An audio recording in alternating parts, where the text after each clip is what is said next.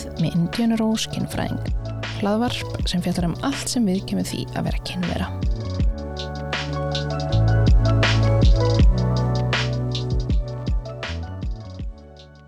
Góðan og blessaðan daginn, Hrafnkalla. Sæl verstu. Herðu, hvað séu gott? Ég segi mjög gott. Gott, mjög gott. En þú? Herðu, ég er mjög góð, aðalega þú ert komin hérna til mín. Mm Það er alltaf betra. Herðu, við ætlum að tala um, já, kannski þetta er doldið svona, ekki bara eitthvað eitt, þetta er doldið svona stórt, en svona sjálfsmynd, líkamsýmynd, átröskun og já, svona það almennt og tengsl auðvitað við kynlíf, við verum perra fólk, Mm -hmm. en viltu kannski byrja mér að segja aðeins bara svona, hver er Hrafnkalla? Já, herru, ég er þrítug, segis kona, í lögadalunum og ólst upp þar. Um, það er svona mest basic sem er þetta að vita um mig. Annað er kannski, ég er tímanum mínum að horfa vídeo á hundum. Hundum, ég Langar. ætla að fara að segja köttum. Já, það er líka svo sem, Já, mér langar ekkert eðla mikið hund. Ég er svolítið bara að hitta vinninu mína, eldastundum ef ég nenni. Ég var í dansi í 17 ár, þannig að ú, hvernig dans? Ballett. Finnst að við skulum tala um líkamsmyndi í því Já, nefnilega. ég ætla að fara, ég er svona, það fór svona margar bjöllur svona. Já. Já, það er mjög heilbrikt um hverfi, það er líkamsýmynd, Jú, jú. alveg svakalega. En ég komst samt bara frekar Já. vel út úr því, sko. Mér finnst þetta, hérna, dansin margt að þakka líka. Þannig að, hérna, ég hef ekki svona slæma reynsla því eins og kannski margir aðrir. Já, kannski einhverju aðrir verndandi þættir í kringu mm. Já, hjálpuðu þér þar. mögulega. En og þú ert sálfræðingur Mm Ég lærði í HÍ. og svo tekur þau klíningina þar líka. Já, já, hvað bara að prófa að segja um. Ég fór ætla aldrei í þessa klíning, sko. Mm Ég hérna, var í áfunga hjá henni Guðlaug Marjón sálfræðingi í klínskir barnasálfræði. Þetta bara síðast önnu mín, það svo geðveikt gaman að ég ákvaða að prófa að sækja um. Sem komst ég bara inn, þannig að það var bara gleði dagar. Já, og fókusir eru þar á börn og Já. hljóma smá skríti. Já, Barnaklíning. já, umveit.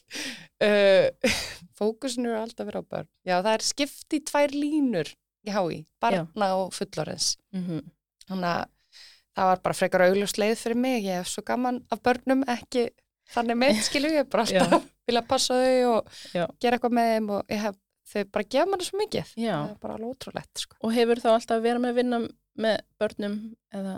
Já, En fyrst- útskrifaðistu? Já, 2020. Það fór ég að vinna Bögl, barna og úlinga geðdelt landsbyndilands og var bara svona í göngudelta teiminu þar og þar koma krakkar alveg upp í 18 ára aldur. Já, eftir bugl, hvert ferði þá? Já, þá fer ég svona smátt og smátt um þetta að það var svona manneklu vandi eins og við vitum að erum á spítalanum. Þannig að vantaði sálfræðing í hérna átrúskunum teimið hjá Bögl hann eiginlega neittist til þess að fara í það. Ég ætla ekkert að sérhæfa mig. Já, Bara, nei, nei, nei, nei og ég finn svona margir eru oft svolítið hrættir við að taka svona mál. átrúskunum. Já, Já, af hverju? það er hættuleg geðröskun. Hún er það. Já, ertu þá hrættur um bara ef ég segi eitthvað vittlaust og ég gerir vandan bara ennþá verri Eða bara ábyrð eins og við Já. gerum alltaf alltaf og bara ábyrð á lífi ykkurs og þetta Já. er bara, já, bara með hæstu dána til af öllum geðröskun. Já. Hérna, ég skilja það vel en síðan er þetta bara, hérna, bara meðferð eins og hver önnur meðferð í rauninni, Mhm. sko. Er mikið farið inn í átráskanir í náminu, klíninginni? Nei, nefnilega ekki. Já. Þá Ekki. skilur maður líka ennþá mér. Já, já. Við fórum ekki neitt yfir þetta, ég ætla ekki að snert þetta. Já, Eina sem ég veit er þetta er hættulegast ekki að já. Þá ertu bara, nei, nei takk. En þau náðu eitthvað neina samfram mig. Ég fekk að fá, fá handlauslu utan að og á stofunni sem ég vinn í dag, eitt lit á öðru og ég er semst að vinna þá núna uh, tvo daga upp á stofu Já. og síðan helmingin upp í, hinn helmingin á vikunni er ég upp í Háskóla Íslands, svona stuðningur við nefnundur þar. Já, sem sálfræðingur. Já, sem Já, sálfræðingur, já, já. En, ok, sem sálfræðingur, er ekki smá svona krefindið, bara þú veist, ok, þú veist aldrei hver er að fara að lappin, er bara hvað þú ert að fara, hvað er tíminn í dag að fara að snúast um. Já, það kemur nýtt mál. Já, eða kannski þú segir mig ég var hjá þér og ég var hjá þér á þriðdægin og svo komið tvær vikur og ég er koma aftur. Já. Þú veist ekkert hvað voli ég lendi í á þessum tveim vikum, skilur. Þú bara, já, Nei. við ætlum að halda áfram með þetta, þetta og þetta og svo kem ég bara, rabgalla, getur hvað. Já, það er náttúrulega, það er svolítið lífið. Já. en maður reynir ofta að búa til svona meðfæra markmið í byrjun Mm og, og jú, maður eðlilega þarf að taka smá tíma að fletta ofan af því sem hefur gerst þessu milli, -hmm. en þá er það kannski líka oft tengt því sem að mann Já. skilja að díla við Já, að hérna, mér finnst kannski lífið mitt alltaf vera allt í volli út af Já. undirleikandi þáttunum. Já, þannig að getur líka stundum verið smá forðun þegar maður er farin að tala um allt annað en það sem við byrjum að ræða væri svolítið mikilvægt Já, og hérna stundum fellur maður nú fyrir því og stundum ekki en hérna þannig að það er svolítið gott að vera með þessi meðfæra markmið alveg frá byrjun, Þannig að þú svolítið. ert bara, Indiana, ég veit að þú ert að tala um hérna, þetta, þetta, þetta, Já. en manstu, Manstu hvað við ætlum að gera? já, Já. Ó, trick. Það er náttúrulega kannski líka smá erfitt með hérna, vinnuna hjá mér með átrúskuna. Ég legg líka ákvæmna línur í minni meðferð. E ef ykkur er hægt komin þá verður helst líka vera í ykkur tjekki annar staðar. Ég vil helst ekki fara mikið að vinna með eitthvað erfiðar tilfinningar ef við erum með mikill undirþyngd og svona, þannig að svona reynum að blanda þessu öllu saman. Ég kem með ástæðu fyrir af hverju ég vil forgansra hlutunum eins og ég vil og, og, og ég tel best út frá bara rannsóknum og, og leiðbenningum sem vill maður náttúrulega líka, þetta er þinn tími. Að þú fáið svolítið að gera það sem þú vilt fá út úr þessum tíma. já, en það er einmitt ef þú ert að útskýra af hverju, þá skilur maður betur, þá er maður kannski frekar til það ef þú ert á þeim stað að þú vilt vinna með þetta, sem kannski langflestir, þú ert náttúrulega bara enga stofut í bæ, það fólk getur bara að lappa út eða bara ekki mætt í tíma sinn. Það er alltaf bara hluti að starfinu. Já. Já. Ó, ég get ímyndað með það sé erfitt. Já, það þurfti ég að taka í gegn hjá mér bara Já. fyrsta árið. Það var bara mesta vinna í því. Já, Bara, þetta er, þetta er manneskjör og alveg eins og þú tengir ekkert við allar manneskjörina. já, já, Að, já, já, hérna, þá er eðlilegt að maður tengi ekki við alla meðfæraðala. Já, Þannig að mér finnst líka gott að ræða það bara í byrjun. Þetta er bara hluta af starfinu og bara mitt hlutverk að taka því ekki persónulega eins og hægt er. Og bara fólk á að velja sér sitt. Já, bara þessi sjálfsákvörna réttur. Já, Það er ekkert bara, nei, þú lappaðir inn á mig núna. já. Já, Og það er líka svo, mikilvægt finnst mér fyrir alla sem eru að hugsa um að leita sér að sálfræðast. Eða fannst það ekki ganga upp. Prófaðu eitthvað annan. Já. þú veist. Ég er alltaf að setja á fólk, bara, þetta er eins og maki. Fyrsta Mhm. manneskinn sem fyrir sleik við er ekkert endilega bara makiðina eilifu. Og það er eins með sálfræðinga, það má skipta. Og líka hvet fólk til þess að vera þáttakandi í sinni meðferð. Mm -hmm. Þannig að ef að þið eru að tengja en það er eitthvað svona sem að æ, við erum alltaf eitthvað hún er alltaf að gleyma þessu eða, eða e, e, Mér langar að fara í þetta, Já. en hún er aldrei að tala um það. nákvæmlega, að bara segja það þetta er örutt umhverfi við erum svolítið sem sálfræðingar að gefa okkar hinskila álit á Mm -hmm. vandanum og ég býða bara velkoma að fá það tilbaka, þannig verð ég betri skilurðu. Akkurat. En að því við ætlum að taka um hérna svona sjálfsmynd, í, líkamsýmynd og átröskun. Mhm. Fannst þér þú vera með þennan fókus eða var það bara svona þú dast inn í hennan fókus eftir að þú dast inn í þetta teimi þannig? algjörlega bara datt inn í hennar fókus Já. Það var ekkert, já, ég, ég heila bara neittist til þess að taka þessari stöðu, en það sem bara kom svo skemmtilega óvart var að í dag bara brenn ég fyrir þessu. Já. Þannig að þetta kom, já, eitt leir á öðru, en ég er alveg sátt með þessa leið. Já, já, já. Einmitt. Það er skemmtilegt. En ef við kannski byrja svona aðeins að skilgreina, svo við séum bara að fólk veit að við séum að, hvað við erum að tala um. Kannski svona sjálfsmynd og líkamsýmynd. Það getur alveg verið svona mismunandi. Hvað er sjálfsmynd? Hvað er líkamsýmynd? sjálfsmynd, þetta er svona hugmyndin sem við höfum okkur sjálf. Já. Það byggir á bara ymsu eins og ættirni, kyn, bara aldrinu náttúrulega líka, oft er þetta jafnvel hlut á starfi og svo framvegis bara hlutir um okkur eins og ég, ég er Íslendingur, ég er uh, kona og ég upplifum mig þannig og svo framvegis. Bara Ég er góð manneskja, ég er hérna góð vinkona, Já. svona, þetta er svona inn í okkur. Já, að því um leið og líka þetta góð, Mm þá eru við komið kannski meira í svona mat, hvernig ég met mig sem vinkonu. Já, og er það partur af sjálfsmynd? Já, Já. það er klálega það og líkamsmynd náttúrulega þar Mhm. undir þannig að sjálfsmyndin byggir á ímsu og líka það hvernig einmitt líkama við fæðumst með þannig að Mhm. hérna, minnst líkamsmyndin þetta smá trykki, þetta er náttúrulega líka smá mat á líkamanum okkar Og matið það byggir upp líkamsmyndun okkar. Já. Er það ekki? Jú. Og hvað, já, líkamsmynd er þá kannski það. Og það er ekki hvernig líkama þú ert með, heldur hvernig þú metur líkama þinn. Já, bara svona hugsun, skinjun og tilfinningar sem ég fæ hvort mínum líkama, Mm -hmm. algjörlega og eða bara útliti eitthvað neginn Já. En þá átröskun. Ádröskun, það er bara mjög alvarleg trublun á hegðun fólksvarandi útlit og mat. Ástæðan fyrir að röskun er röskun er þetta að þetta hefur alveg bara merkverð áhrif á því í daglegu lífi. Hversu algengt er að vera með átröskun? Það er nefnilega ekkert svo algengt að það eru mjög ströng líka greininga við mig. Mm. Þannig eins og með anoreksíuna, þá, þarf, þá er ennþá í viðmjönum og þú þarfst að vera undir eitthvað ákveði BMI þó við veitum svo sem að þessi BMI staðall er prömp, Já, skilju. mesta prumpið. Já, að við erum kannski bara að tala um eitthvað undir 1%. Það er samt alveg, er hversu mikið undir 1%, það kannski færi eftir. Já. Ef þetta er 1%, það er alveg aldrei mikið. Einu hverjum hundra, það er alveg frekar hátt. En, en við fyrir kannski aðeins í þessar mismundu gerðir. Þannig við byrjum bara á anoreksju. Hvað svona lýsir anoreksju? Mm. Það er svona, kannski ekki alveg greiningar viðmiðin útlistuð. Nei, það er þið svolítið þreytt. Það er náttúrulega alveg bara þetta við séum að neyta okkur um mat. Annarkvort ertu þá svolítið mikið svelti eða ert líka að losa þig við.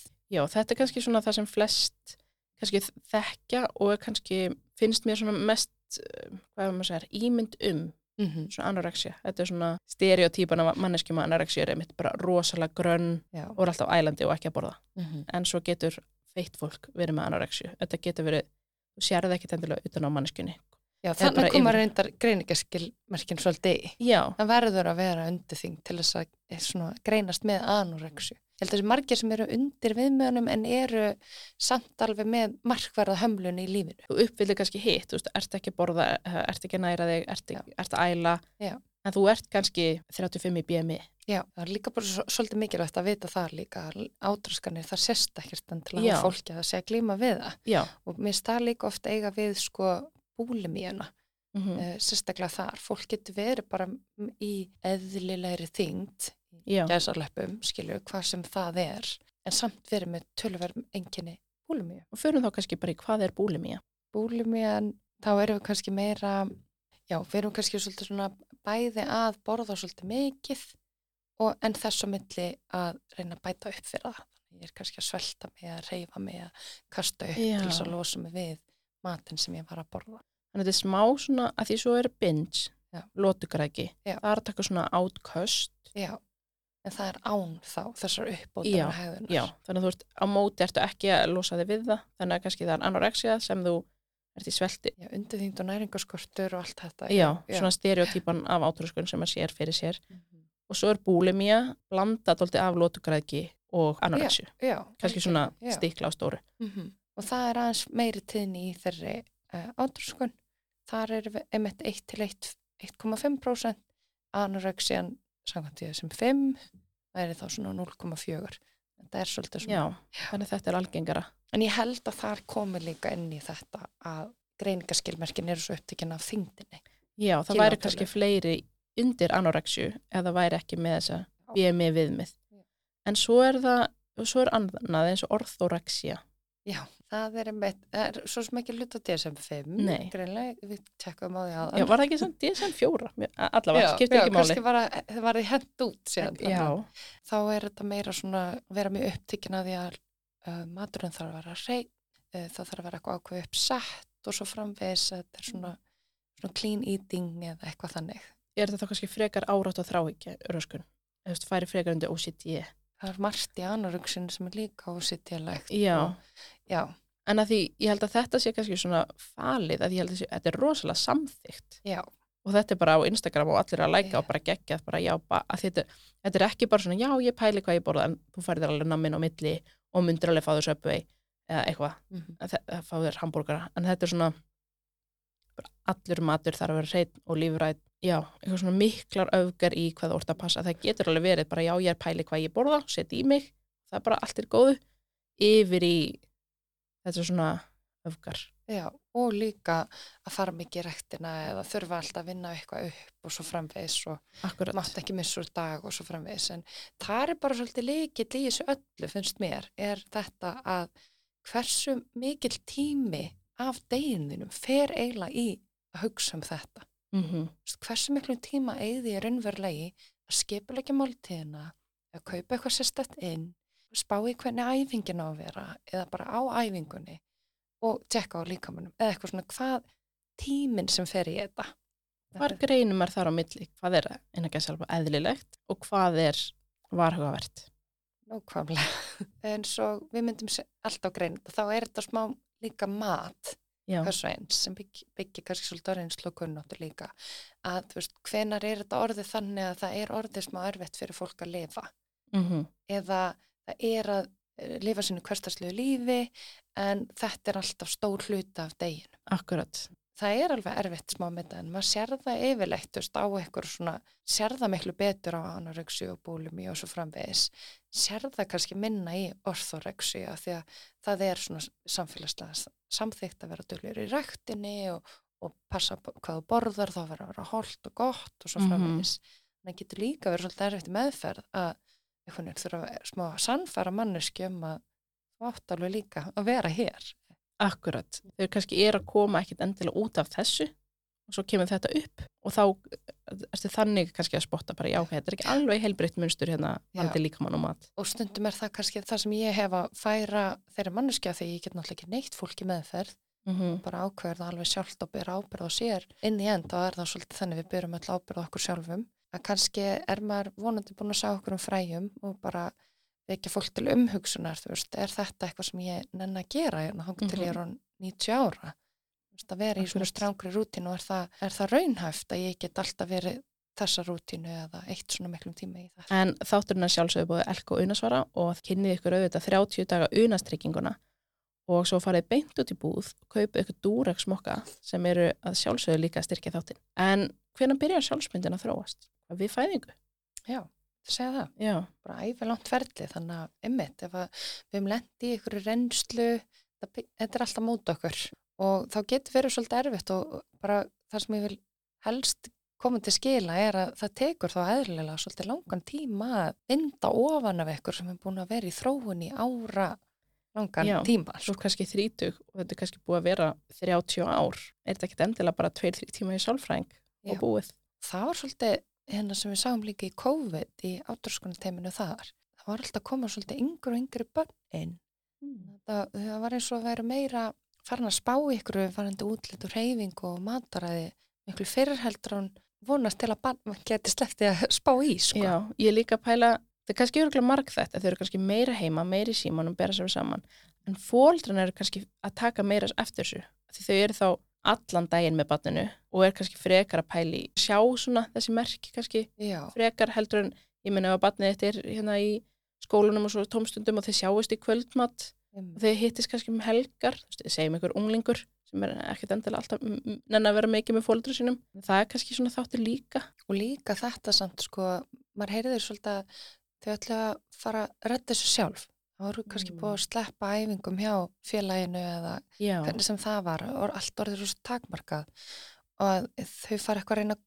googla sér til um sjálf. Og þá er bara, ég verð stundum bara mjög reið að tala um samfélagsmiðla eh, að þau, þau vinna svo gegn manni. Það Mm er alltaf verið að finna veika punta hjá okkur og, og fest okkur við tækinn þannig. Ég ætla að vona ég hljóma ekki eins og ég sem eitthvað massífa samsæriskenningar hérna Nei, en, en að maður hefur séð Social Dilemma hérna á Netflix Já, það er alveg langt sín ég horfði á hana samt. Já, að þá bara eitthvað ekkert eðla mikið að gagnasamni bara um þig. Ég Já. veit ekki svona, svona mikið um sjálf mig. Nei, En síðan er ekki verið að nýta það endala okkur í hag. nei, Heldur bara þannig að einhver getur seltir eitthvað, einhvern er festi lengur við tæki. Það á allt innur komnar, er eitthvað krakki komið hugmynd um bara að hann þurfa að gera svona mikla ræfingar daglega. Mm Hard 75 eða sjá munin fyrir og eftir alltaf. Já, þú googlar kannski bara home exercise Já, in COVID. Já. Og að því svo sér algoritminn, eða tölvan og þetta, þetta hljómar alltaf samsæðiskenningalega, ég, heyri það því ég er að segja núna. þá sér tölvan bara, ok, hún er búin að googla þetta, það er svona vefkukur sem trakka allt sem að gerir. Og þá fyrir að koma á Instagram, home exercise eða Facebook.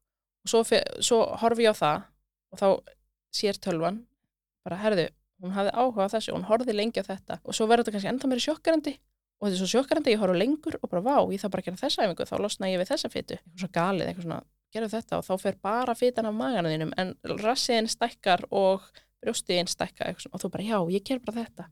Það er náttúrulega svo mikið af ruggli til hana. Já, Það er bara endalast og bara fullornu fólki sem er að deila alls konar bara upplýsingum um að ef þú líka kaupir bókina þeirra eða þeirra þjálfunarprogram eða þeirra mataræða þá verður þú sko betri. mm Þannig að hérna, eðlilega fyrir eitthvað sem er kannski líka ekkert alveg, það, það tekur smá tíma fyrir okkur að þróa með okkur gaggrina hugsun -hmm. að hérna að vera svolítið svona dómbær á hvað er meikar henni sens og hvað ekki. og líka heilaþróskin, bara það að við áttum okkur á, á hættum að því Já. við erum ódauðleg þegar við erum unglingar og það er bara svona þróunafræðilega að því á þeim, þegar við vorum unglingar þá vorum við kannski út að veða ljón og þá máttum við ekkit endilega vera að skinja að þetta væri doldið hættulegt sem við varum að gera.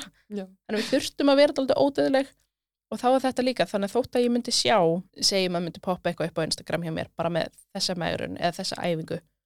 Og ég myndi svo kannski sjá reddit eða eitthvað starf netinu að það er ekkert mjög sniðut, þetta er ekki hættulegt þú getur hérna að fara í næringaskort en ekki ég, það mun ekki gera sem ég ég mun alveg passa mig og borða nóg og ég, nei, ég hef alveg stjórn á þessu Enda er það Og- bara eitthvað já. sem þú heyrir mannesku 13 í BMI, skiljur. Já. Hún hefur alveg stjórn á þessu. Já, það þetta hættulega er ekki að fara að gera sem ég Mhm. fullorðið fólk er svo sem líka svona en hvað er það svona í uppeldinu umhverju sem hefur svona mest áhrif á sjálfsmyndina Vá, það er stort er spurt, sko. Já. eða kannski svona þróun neikværa sjálf, sjálfsmyndar Já, og já, átraskana, ef við kannski tökum þann fókus af því það hefur alltaf áhrif. Já.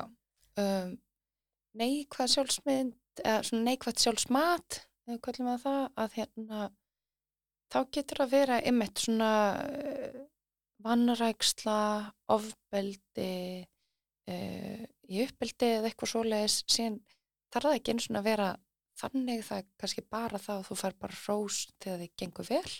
Já, en afskiptalust þess að milli eða það vantar ekkert til ást umhyggju en rósinu alltaf svolítið miður við afreikin þín. Já, já, ef maður bara vinskapurinn sem maður er í kringum maður lendi ykkur einelti um, allir þessi hluti sem að við kannski flokkum sem svona áfull í æsku eða erfið upplifun mm það getur verið mjög mótandi fyrir fólk, já. Já.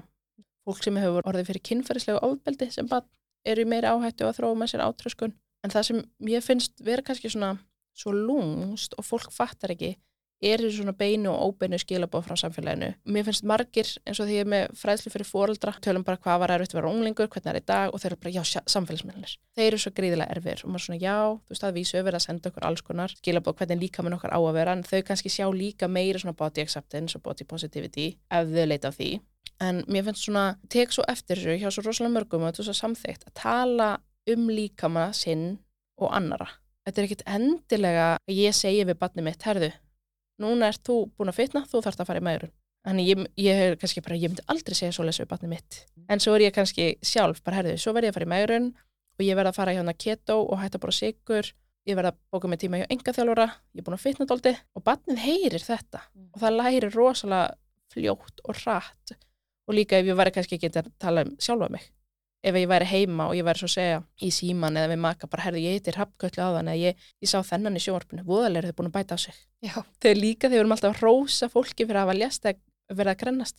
Herðu, ég sá Sigg í dag, voðalega lítur hann vel út. Mhm, hann er búin að léttast.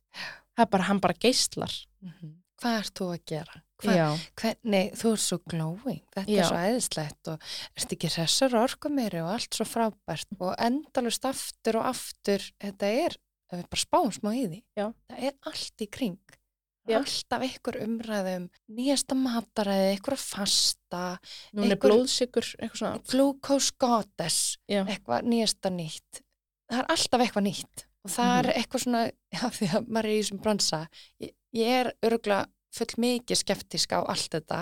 Mhm, en það er svo gott að reyna að minna sig á að í rauninni er bara feiki nóg mhm, til að byrja með að vera til. Líkamiðin er ekkert hérna gerður fyrir útlitið. Hann líti eitthvað ákveð út mhm, hann er bara gerður til þess að koma í gegnum daginn. Mhm, svo getur staðið upp úr stólnum. Já, svo getur lampað í vinnuna og vil gera það. Mhm, Veist, þannig að hver er virknin að reyna að spá svolítið í líkaminu þínum bara út frá virknin hans í staðan fyrir að gera endalusar eitthvað kröfur um hann þurfa að líta ákveði út við erum bara öll með mjög misjafna líkama og í staðin fyrir að eigða lífinni að vera alltaf að rembast þegar hann líti eitthvað öðruvísu út en hann eðlilega væri að eigða tímanum í eitthvað annað sko. Já, og ég held að svona flesti fullorinn myndi vilja fyrir þetta fyrir börnin sín. En svo eru það að kommenta á líka maður annara, líka maður sinn Já. Og hérna Siggi sem léttist svo. Já. Já, og þá ert að segja að það sé gott, þú veist ekkert hvernig Sigga líður og kannski er hann að geisla að því hann er ekki eru í miklum fytufórtumum og hann getur farið lappað inn í hérna einhver fatabúð og keftu föt, þannig að þú ert miklu samþektari í samfélaginu og skilabúðun sem samfélagi sendir er því grænir sem þú ert, því betur ertu. Já, stereotypan af heilbriði er náttúrulega bara konu Já. með sixpack sko. eða eitthvað svona. Já. Það er bara eitthvað svona alveg brengluð ímynd um hvað Mhm. væri heilbriðt. Já. Það er sjaldnast inn í heilbrið hjá fólki eitthvað sem er með eitthvað á sér. Já. Eða í Mhm. einhverju þar sem við myndum kalla yfirþyngd eða hvað Já. það er. Já, það er svolítið gott að ná eftir í svona gaggrínu hugsunar, ná kannski í smá svona uppreisna segin, þú veist. Ég ætla ekki að taka þátt í þessari vittlusu lengur, ég ætla bara að hætta að vera eitthvað á bömmur yfir því hvernig ég líti út hérna Mhm. uh, og bara fara að njóta lífsins og því sem er að gerast í dag. Já. En sko ég vinn við þetta, ég vinn við þetta daglega. Ég finn alveg fyrir nákvæmlega sömu hugsunum margir á skjólstæðingunum mínum Mhm. og það er fullt sem ég er eitthvað að bögga mig á sem ég þarf bara alveg að taka mig gegn en ég ætla frekar að eigða tíma í það að reyna Já. að samþykja hlutin eins og þeir eru og hafa bara heilbrið sem viðmið Mhm. heldur en að festast í þessari lúpu að kvíða að með ekki missa æfingu eða þurfa að borða eitthvað hitt og þetta eða vera svolítið svona upptekinn af útlitinu. Það er ekkert alltaf auðveld Já. en sérstaklega út af samfélagin okkar. Mm Það er Það er bara endalust verið að senda skilabóð. Það er bara að ræða þetta eins og veðrið, sko, skilur við. Mér er svona lang kannski flest svona þjálfarar og svona ekkert endilega vera að pæla í viktinni. Mm. En bara já, bara að vera heilbreyður. En við, þurf, við skuldum heldur ekki í lífinu okkar að vera heilbreyð. Af því að það er eitthvað svona, nei, ég, ég er bara að æfa mig til að vera heilbreyð. En bara svona, já, en að snúi svo bara í að líða vel eða líða bara ágætlega. Af því ég meina, ég get alveg verið að passa hvað ég borða og hreyfa mig en ég er með eitthvað sjúkdóm. Er ég þá heilbreyð? Algjörlega. Hvað er þetta heilbreyði? Getum við einhver tíma náð fullkominu heilbreyði nei. en bara þetta svona að við séum ekki ofugs að, að því þú getur verið bara að taka hugsanar og í staðan fyrir að segja grennast, ég ætla að vera heilbreyð og þú ert samt með þessar áráttu hugsanar gagvart heilbreyði innan Já. gæsa lappa en þetta er bara, ég ætla bara að lifa Já, í líkamannum mínum það er bara nú og að vera til. já, ég ætla að næra mig að- ég veit að þetta gefur mér orku og ég vil fara í rektina að því ég vil geta hérna lift bönnunum mínum Nákvæmlega. ekki að því ég ætla að vera heilbreyð, ekki að því ég ætla að vera grönn, ekki að því ég ætla að vera Þá við komin svolítið svona í gildisvinnu. Veist, hvað er það sem skiptir máli í stóra samhenginu? Ég man svo skipt mitt eigin dæmi hérna í útskriftaferðinni í MH. Ég, mér, ég haf aldrei fitnað mikið sko, í lífinu. mm. Ég er svo stutt og stutt að lífi sem að varða og ég hafði svo miklar áhyggjur af þessu. já, í ferðinni Já. að þurfa að vera hann í bygginni og hann alltaf svo heitt og ég man að ég var bara ekkert alveg nú ána með mig mm -hmm. síðan hef ég sé myndir í dag og það, ég var í miklu betra form en ég er í dag eða hvað þetta form svo sem er Mhm. en að ég hafa nefnda meiri segja þegar maður er bara ekkur, maður er eiginlega bara ennþá krakki Mhm. að gaggrina sig þá eða tíma þá hversu lengi ætla ég eiginlega að gera þetta Einmitt. hvenar ætla ég eiginlega að vera ána með mig og vera bara í sátt Já, e, e, ég þarf ekki eins og að vera ána með mig, það er bara að samþykja hlutin eins og þeir eru. Uh, 90 ára, nenni ég þá? Mhm. Má ég þá loksins bara fá frið eða, e, akkurat eða getur við svolítið fara að vinna að því strax núna? Og það sem ég hef lært í þessu líka, þegar nú hefur maður unni mikið með næringafræðingum og læknum, að það er gott að borða reglulega. mm Það er bara gott fyrir okkur að, að fylla endur tekja á hann tank sem tæmist mjög fljótt hjá okkur. Það er tala um 5-6 sinum á dag Eh, og margir verður fyrir miklu sjokki þegar koma til mín og ég byrja hérna að lista upp. Þú þarfst að bara morgumat. Það er millimál. Það er háteismatur. Það er millimál og það er kvöldmatur. Stundum er líka kvöldsnörd. en þá bannað að borða eftir klukkan átta har haft kalla Já, eitthvað svona eh, að fatrabi og stundum, Já. jú, fyrir eðla mannuski þá skiptir ekki eftir öllu máli þá að maður missi úr eða ekki og misjant Mhm. hvernig maður er en ef þú borðar reglulega og ert í einhverju reyfingu bara sem hendar þér Mhm. þú þarft ekki að vera í ræktinni það má líka bara lappa um eða taka þrifin heima það reyna mm. -hmm. þess á sko skilurðu. Kynlíf. kynlíf til Mhm. dæmis Mhm. aldeilis brennslan þar, skilur þannig að hérna, það er svo margt hægt að gera án þess að þetta þurfi helst ekki vera stressandi, en náttúrulega stundum gott að fá svona áminningu að það er líka alveg krabbaminsvaldandi eða hvað það er, þetta er svona ræðslu áraður náttúrulega líka, Já. en að vera mikið sitjandi þá bara orkuleysu og það hefur áhrif á andlega líðan Já, líka. og bara vöðvanið þínir og við reyfingu þá losar um Já. endorfín Já, en það er mitt, ok, við almenna reyfingu eða þarft að fara í þrjá klukkutíma á dag í rektina nákvæmlega. og kalla það heilbreyði. Já, algjörlega, þannig að hérna, og við erum ofta með okkur við ykkur að manneskjur sem eru með hafa þrjá tíma á dag af Mhm. deginu sínum í eitthvað svona. Já, að hafa það bara flestir ekki. Já. og eða hreinlega eru um þetta að vinna við þetta. Já, þetta er bara hlut af vinnunni þeirra. Mhm, og þau hafa allar græjur, tæki og tól og aðganga því sem þau þurfa uh, eiga nægan peninga þegar nú kostar líka mhm, skilur við, ef við spáum að fara út í búðina það kostar mig opaslega lítið að kaupa mér nammi. En mhm, það getur ógeðslega dýrt að kaupa mér jarðabir þúsund kall versus einhver hundra kall. Já. Þa- þannig að það er líka ekkert endilega auðvelt að velja sér að eitthvað svona sem að fer betur bara í maga. Og þar finnst mér líka svo mikilvægt að muna matur er bara matur. Mhm. að því um leið og við fram að flokkan holt og óholt að þá verður, ég veit að þetta hljómar saklust og ég er stundum ennþá bara í tímum óvart búin að segja holt já, eitthvað nei, nei, nei, fyrir ekki já, þetta er bara matur, hann gefið mis miklu orku og þið líður mis vel af henni. Mhm, og stundum langar mér bara í súkula þegar mér finnst það bara gott. Já, en ég þarf heldur ekki að borða það í öll mál, alveg eins og ég borða ekki gúrku í öll mál, já, skilur við að því maður þarf mismundu eins og þegar maður tala um tíðarhingin já, á blæðingum, það er mjög orkufrækt þá sækjur já. við frekar í kolvetni. Og þess vegna erum við að sækja í súkulega við erum að sækja í sveittan hambúrgara því okkur vantar kolvetni því líka menn þarf það. Já. svo kannski á eglósi þá kannski þarf líka menn ekki jafn- þá er kannski langar þér frekar að fá, að fá þér salat eða súpu að því að þú þarft ekki jafn mikla orku. Nákvæmlega. Það er margir búin að loka þetta leiðina til að finna hvað líka menn þarf og leifa sér það. Og borða eitthvað gott Já. fá sér eitthvað gott að borða. Þetta er það sem bara fylgir okkur í menningunni. Koma saman og fá sér eitthvað gott að borða. Erfið ekki það er matur mm -hmm. Þetta er oft hluti af einhverjum bjargráðum. Er að fá sér aðeins eitthvað að nú ætla ég að fá mér aðeins eitthvað sem mér finnst betra og skemmtilegra að fá ánægi úr því að borða. Um, en það er heldur ekkert gott ef það er eina bjargráðið. Akkurat, skilur, ef ég leita bara í mat til miljóður illa, Já. þá þarf ég kannski að fara að finna fjölbrettir úrræði líka. Já, að ef þetta er þú veist, bara við kvíða, þá borða ég við að liða vel, þá borða ég. Já. til að forðast allar að slæma líðan ég get ekki farið bara leggst upp í rúm og leift mér að grenja. Já. ég bara, ég verða að borða að því það trublar mig. Já. það þurfum að skoða, en þú mátt alveg liggja upp í rúmi og grenja og borða ísinn. Já, en nota önnur bjargaráð líka. Að tala um einhvern og í íspúltúr og orða að grenja. Nákvæmlega. Bara það er eins og með matinn. Það er gott að Mhm. það sé fjölbrettur það er gott að hafa fjölbrett bjargráð, eh, já, bergráð líka.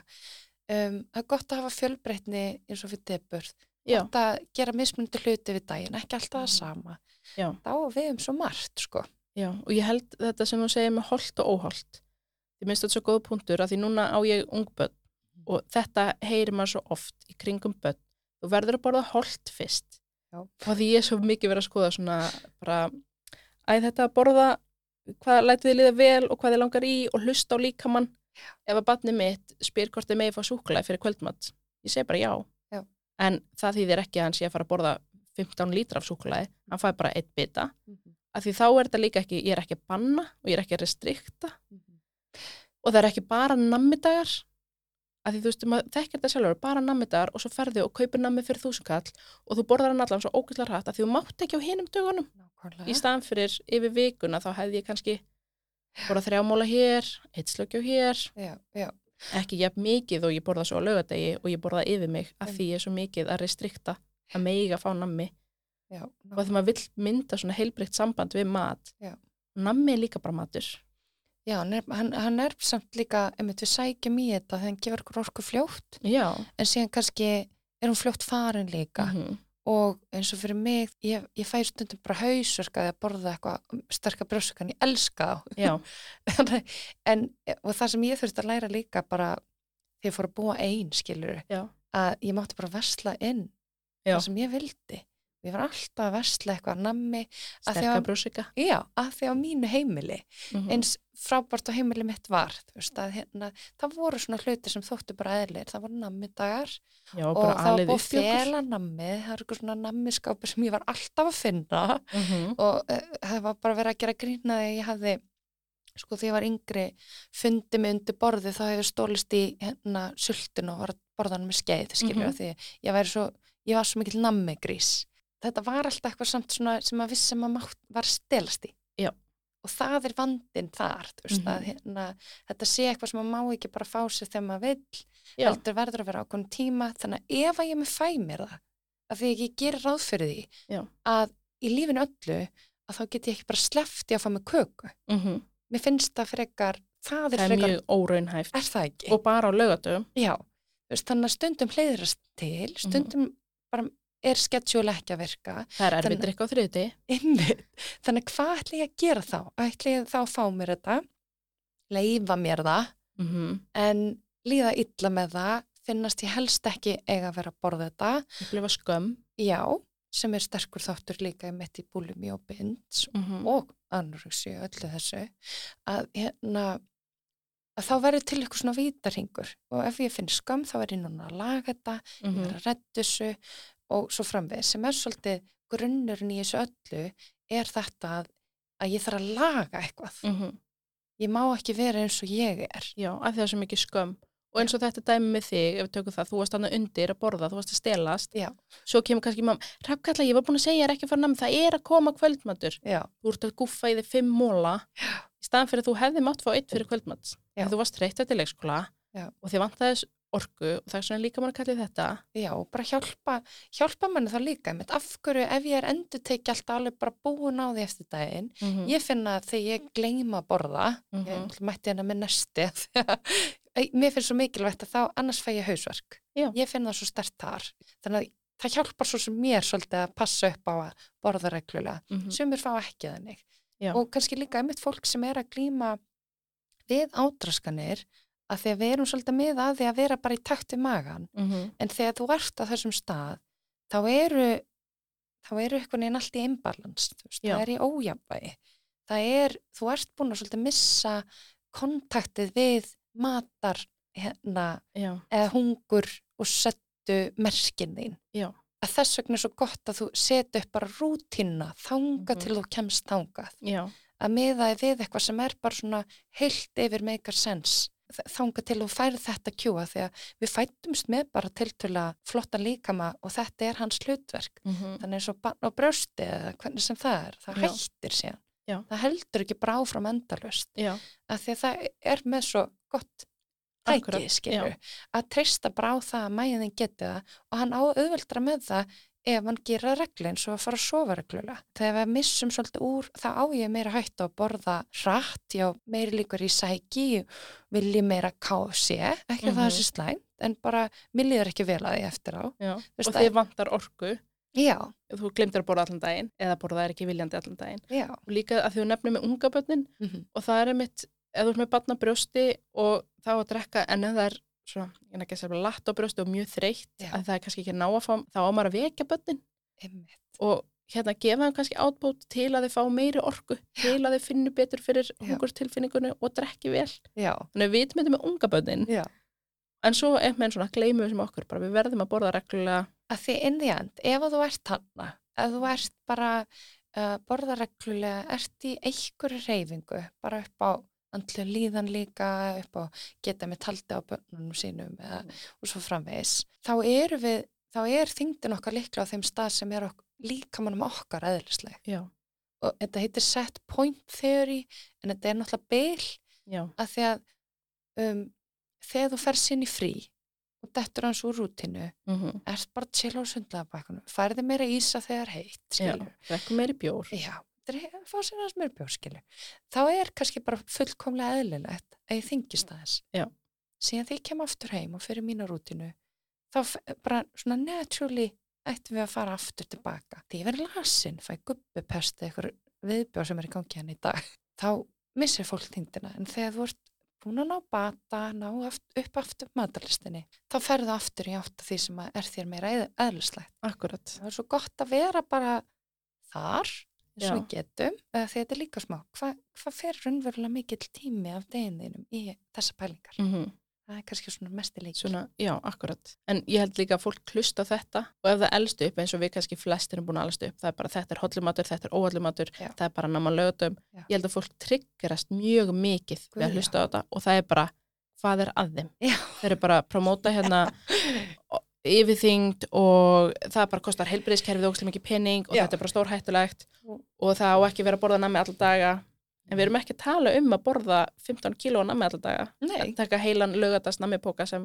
að þau eru búin að restrikta alla vikuna þetta er, já, mátt alveg fá súkulega bita fyrir kvöldmatt já.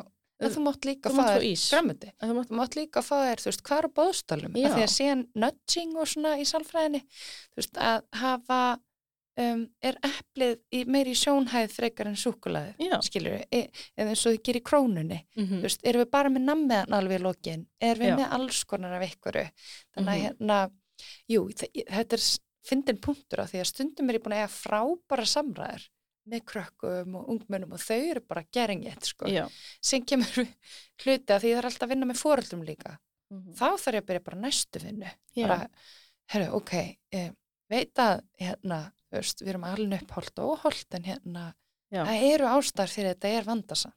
Já. Af því að það er ekki raunhæft Mhm. það, ég er bara að reyna að útskýra einhvern svona vítarhing sem verður til. já og þetta er alls ekki að þetta sé eitthvað ég ætla að byggja upp lélega sjálfsmynd. Þú ert að hugsa bara, herri, nei, líkamlega helsa er mjög mikil fyrir mér og barnið mitt verður að vera heilbreykt og það þýðir þú verður að borða hotlan mat. Og ef það þýðir að barnið þitt fer allt inn að borða bara eitthvað, eitthvað svona fullt af nammi, snakki, mm eitthvað sem að, eh, sækir fljótt orku í, þeir þurfa að taka um fagstakip og keinþróska og allt þetta, -hmm. tekur á, ok, þú veist, þá er það aftur fjölbreytni veist, og, og hugsa meira að setja eitthvað inn heldur en að taka út. Já. Þannig að áður en ég fæ mér, ef ég er alveg bara að missa mig svolítið í namminu, alveg eins og ef ég var að missa mig í gulrótum, skilju, mm að fá mér fyrst eitthvað að borða og hugsa líka, er ég söng, gefa sér smá tíma, þú veist, hvað er þetta sem mægi minn er að kalla á? -hmm.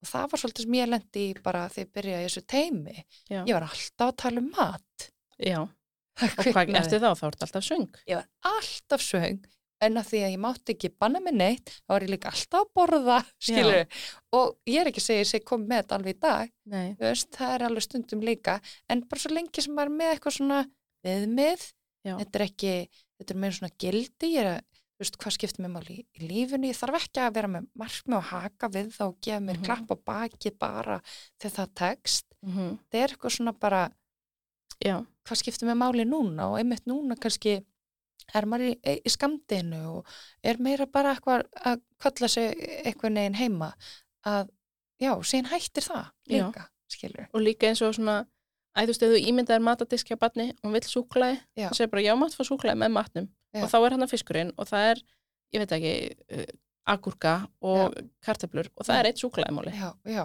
barnin borðar kannski súklaðimóla fyrst en svo ef það er svangt, það borðar það hitt og líka ég heyri svona margar svona, kannski okkar aldrei og bara fullorðið fólk, bara svona, oh my god, ég er bara alltaf hverju kvöldi, þá bara detti ég namibókan ég bara get ekki hætt og maður Já. svona, ég erst ekki bara svöng já, já. Og það er svolítið líka þetta með næringuna, að það er svo margir hætt við kolvetni og svona. Þannig að þú ert kannski búin að borða máltíð, en hvað var inn í þessari máltíð? Já. Þú Veist, þannig að það og ég fekk svona súpu í kvöldmatt tómatasúpuna hana, bara einhverja grammetisúpu, Einmitt. ekkert eitthvað brjálaslega matar mikla endilega. Já, og svo dast í nammipókan. Já. Já, já, dættu í nammipókan vilt, en kannski pæli í því að ef þú ert svona bara, já, já, svo fæ ég alltaf vill í magan eftir. Bara, já, hefði verið næs að fá sér samloku með súpunni mhm, og svo hefður alveg fengið nammi, hefði kannski fengið fjóra móla mhm, og ekki fengið illt í magan. mhm. En ef þú vilt borða nammi í kvöldmatinn, be my guest, ég ætla Já. ekki. Ég er svo sem líka í vinnunni, ég er ekki mikið að eða, sko, ég er engin sérfrængur í uppsetningum máltíða, sko. Þannig að það er frábæri næringafrængar sem vinna með það. Ég Mhm. meira bara velta fyrir mér, þú veist, hvað andluðlegan á þessu og hvernig þið líður og hvernig við getum tæklað það af því að uh, ég menn, þetta er kannski byrjar ofta á eitthvað svona, ég ætla bara aðeins að taka mig á, ég ætla Mhm. aðeins að laga, ég ætla aðeins að borða hotlar eða er ofta eitthvað svona smá átak Mm eða að koma eitthvað upp og mér líður illa einhvern Já. skilur, það er erfitt að borða. -hmm. um, og síðan fyrir bara alltinu hérna boltin að rulla. Svo fyrir fólk að rósa þér fyrir að hafa grenst svona mikið. Nákvæmlega. og það er mitt ein sem er með mér í nám í kynfræði náminu, hún fekk krabba minn ekki að stokkana, ekki í náminu en hún, ég man hún var að tala um þetta, hún eitthvað ég var einhvern veginn í liftu heima hjá mér.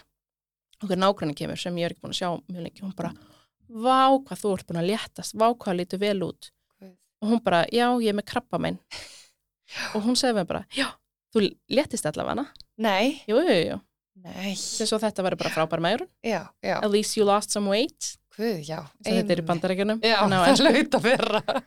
Eða veist, nei, já, og hún var bara, já, ég geti reynda dáið en já, gott að ég degi grunn. Og minn þetta sé bara eina lífsmarkmiðið þitt. Já, já. og líka þetta, þú lítur svo vel út. Og hún bara, ég leita ekki vel út, ég var ógstlega föl. Ég var með næringaskort. Ég var ekki búin að, þú veist, ég þurfti að fara að fá næringu í æð, það bara er enginn að segja mér að ég leit vel út innan þótt að vera staðlanir, annað en að ég var grönn, ég var rosalega grönn og þarna færðu rós og viðkenningu Mhm. og svo er kannski alltaf verið að segja þetta svo kannski, þú veist, hún lifði af og með mér í námi þannig að þú kannski byrjar að bæta á þig og þá kemur þessu skömm bara, byrju, ég er að þingjast Og hræðsla. mm -hmm. Því að þetta núna, því að oft er þetta ekki bara spurningum að léttast og útlit. Þetta er líka spurningum að finna fyrir eitthvað svona stjórn. Þegar ég er að þessu, það er kannski allt í voli í lífinu mínu, en ég næði þá allavega að stjórna þessu. Það er ímislegt sem kemur með þessu líka. Fólk er náttúrulega eðla bara rætt, það eðir síðan allt í mér tíma með mér jafnvel, Mm eða þú veist, það er alls konar inn í þessu. Og ef maður pælir í því, eins og þegar við erum að tala um sveltið, þegar anorexia nú, er svo merkileg. Þetta er ekki bara eitthvað að léttast, að því þegar þú ert að léttast, þá er líka með komin líka bara í svona fight or flight mode. Hann er bara að reyna að halda þar á lífi. -hmm. Þannig að tilfinningaheilin þinn, gamli heilin okkar, hann er miklu virkari yfir daginn og bara yfir lífið, heldur en framheiliðin sem sér svona um raukhugsunna að geta hugsað um þetta á gaggrinn hátt eins og gera síðan reynir að gera meðferð. Þannig að oft er bara byrjunin að reyna að koma niður mat svo við náum eitthvað tíma nýjan á framheila. Ég heyrði svo frábæra líkingu frá skjólstæðingi að þetta er eins og upplifa sig eins og bara, ég man ekki hvað, lítill fugl eða eitthvað og móti bara eitthvað risaður. Það er svo gott að aðskilja þetta. Átröskun er eitthvað sem ég er að klíma við, síðan er ég bara ég. ég er litli fuglinn Já, og átröskun þá risaði Þannig að þegar staðan er þannig, þegar ég er þannig undþyngd að ég nægi ekkert í neina raukhugsun, ég er ekki alveg ég, ég er Mhm. allt innu og þar sjáum við það líka sem kannski fóreldra geta séð. Hefði krakkiðin farið að grenja yfir að fá hambúrgara í matinn fyrir tveimur árum, skiljið. Ef svaraði nei, veist, þetta var eitthvað sem þau borðu, Já. þá aldeilis erum við búin að spotta átrúskununa. Og ef að fyrir að láta öllum illum, illum látum, já, þannig er átrúskunin já, komin á kreik, skilju. Eða uh, farin að ljúa til. já, ég var að borða það Já, hefði krakkiðin vanlega verið að ljúa. Og er það bara líka hvert mat, skilju. Þetta er svo ósengjan stað að vera í, að að Mhm. þau eru, eru svo berskilduð, þau eiga svo erfitt með að ná í raukhugssuna, mm þau eru vannarð, maður hefur bara minna orku í slægin og bara alls konar svona hlutir sem að eru ekki að vinna með manni og líka, jafnvel, þetta er hluti af bara eins og smá geðrósengjunum, þú veist að vera með ránkvömyndir, já, að þessi máltíð mun hafa ógeðslega mikil áhrif á mig og önnur máltíð, eh, eða skilur já, svona ef að ég fæ með þennan kleinuring þá mun ég bara fitna um svona 5 kíló. Og sko mjög algjörn fólk upplifur svona eins og sé bara tútna ú bara um leið og eitthvað gerist. Uh, um leið og fá sér að borða þá er ég bara bara eins og Mhm. Harry Potter hérna já, svona frænkan hana. Vilji vonka líka þegar blá, bláberið hann tútnar út og hún bara flýgur á loft. Já, já, við skulum ekkert gera úr því. Þetta Nei. er bara raunverulega upplifunin mm Mhm. hjá mörgum. Raunverulega upplifun að halda ég komst ekki gegnum hu- hurðina já, Því ég mun bara brjóta stólinn og ég mun bara fötin muni springa auðvitað að mér Já, ef að ég borða þessa máltíð já, svona ofskinnun Já. þetta er bara ofskinnun Mhm. það er ógeðslega erfitt að einhvern veginn, þetta er svo margir hlutir Já. er þetta eh, mjög líkt fíknavanda þú færð stundum bara ef þú ert ekki búin að borða lengi og færðu kannski smá svona rush svona smá eitthvað ánægjur líka Mhm.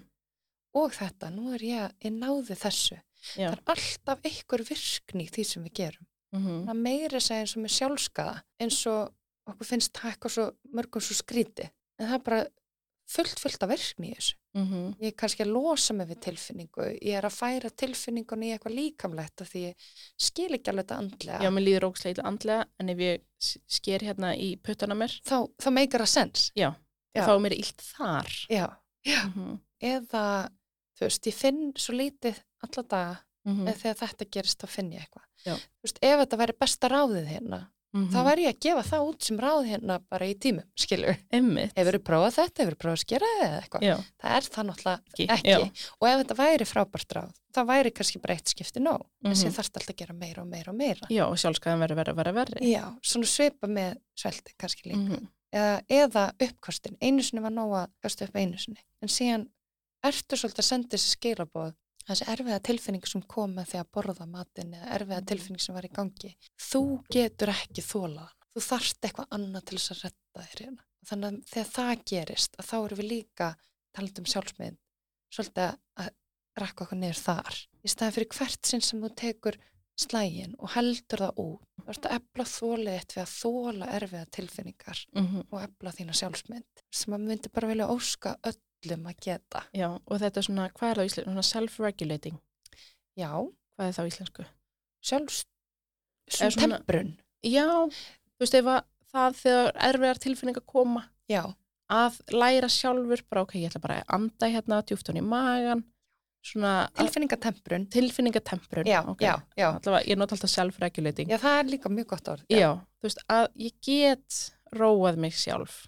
Að því þegar kvíða tilfinningar að koma, þá gerum við eitthvað sem við vitum að róa kvíðan. Og kannski í þessu tilviki þá er það sleppa borða, eða fara að æla, eða borða ókslega mikið. Að því það róa kvíðan tímabundið, en ekki langtíma. Og þá Ja. þurfum við að læra að sitja við kvíðan og spottan. Já. Að spotta, ég veit að mér langar að gera þetta, að því það róa kvíða minn, en það er ekki hjálplegt fyrir mig. Og það er líka oft það sem að sér líka svo vel, þú veist, að hérna, þú veist að gera þetta til þess að vera ánæra með sjálfa þig. Mm Sumir eru þar, ekkert allir. Ertu ánæra með sjálfa þig nú- núna? Ég vil eitthvað ekki.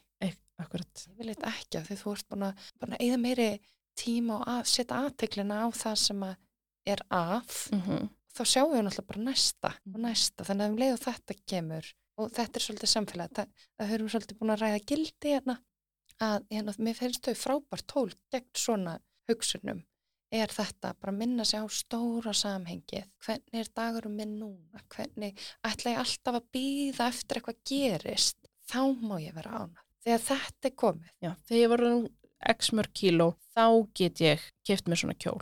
Þá get ég tekið myndir af mér. þá eignast ég kærasta Já, þá verður eitthvað vinur þá fæ ég mér tindir. Já, Þá fer ég út að djammi. Þá, að því svo ertu orðin þetta mörg kíló. Já. Og það hugsaður, 5 kíló viðbútt. já, já Eða einhvað. af því að þú ert að þjálfa því þann hugsunarhátt. Já. Það er alltaf, þú ert alltaf besta þig. Þú Já. ert alltaf að gera hans betur eða eitthvað Verður svo betri útgaf af sjálfum Guð mér. með góður og God knows, við höfum öll verið þar. Ég er bara eitthvað svona Mhm. tiltölulega nýi sem bransan finnst mér. En þetta er út um allt. Já. Það, er, það er aldrei nóg að gera bara, bara nóg að vera til. Mm Hvað með bara að fókusa á eiginleikana þína? Þú ert bara opbúrslega góð móðir. Þú ert stöðningsrík systir. Ég er hann mjög góð í sjálfstemprun. Já. Sæður ekki það, sjálfstemprun. Tilf, Tilfinningatemprun. ég er orðið Já. mjög góð í tilfinningartemprun. Já. Það er bara markmið mitt í lífinu. Vera ótrúlega góð í að takast á við kvíðan minn. Eitthvað svoleiðis. Já, ég hef tekist á við ymsar áskorun í lífinu hérna og ég komst út úr þessu. Ég er bara ótrúlega þraut seg. Já, Mm -hmm. Sjálfsfrón er góð tilfinningatemprun. Bara svona henda út í kosmosin. já, En- bætum að skilifinu inn í þetta. Já, þáttu við fyrir með það eins meira á eftir. Hvað eru mörkin á, kannski, bara látt sjálfsmat, lág líkamsýmynd versus átröskun? Já, það er aftur bara röskun, hversu mikil áhrif á hverstaslegt líf, veist, hversu Mhm. takmarkand og hamlandi er þetta, ef markver breyting í líðan. Já. Þannig ég er ennþá kannski fungerandi Mm -hmm. en mér líður sæðilega, bara mest Já, megnið já. af deginum. Eða ég er ennþá fungerandi en hugsunum mín að snúast bara um eitthvað eitt eða svona því Já, tegndi. þannig að það er kannski svona, Það er svona Já. helsta sem skerum bara röskun frá já, já, Já. Og síðan líka hvað er venjulegt. Ég held því miður. það. ég held að okkur finnist náttúrulega bara mjög eðlilegt að, rakka okkur niður og, og einmitt endalur skilabóð þurfa að vera betri. Mm Okkur finnst bara mjög eðlilegt að þú fer í sund að heyra eitthvað vera kvarta og tala um eitthvað og klípa í sig eða, mhm, og nei, þessi getur nú eiginlega ekki að fara í svona aðsniði, veist, það er svolítið óhefilegt. já, Bara í dag, þú veist, já, þú veist bara að taka með þetta ákvörðan og fara í þannig samfesting þó að mægin sjáist. Já. Þetta er bara mægi. mhm, Og þetta er líka það sem kemur upp af því að þú veist kannski líka þetta með sjálfsmyndina og sjálfsmati, það er oft svolítið eitthvað niður lægra hjá stelpu. Líkamsmyndin er oft mjög slæm þar. Að bara taka svona fræðsla fyrir þær, þú veist, allar þessar ungu stelpur sem eru að fara úr því að vera krakki í að breytast í fullan einstakling. getur verið rosalega erfiða breytingar að mjöðminna þínar er að stekka og Já, og bara fytusöfnunin breytist. talandi um ballettin, þú veist, Já. ég var mjög bráðþróska. Við máttum ekki vera í íþróttatopp. Mm, Við máttum bara vera í ballettbúningnum og sokkaböksum. Þannig að ef þú vorst túr, þá bara vissu það allir að þegar sást kannski bindit eða eitthvað, eða af því að þá máttur þú fara í var nátt á túr, þá vissu það allir.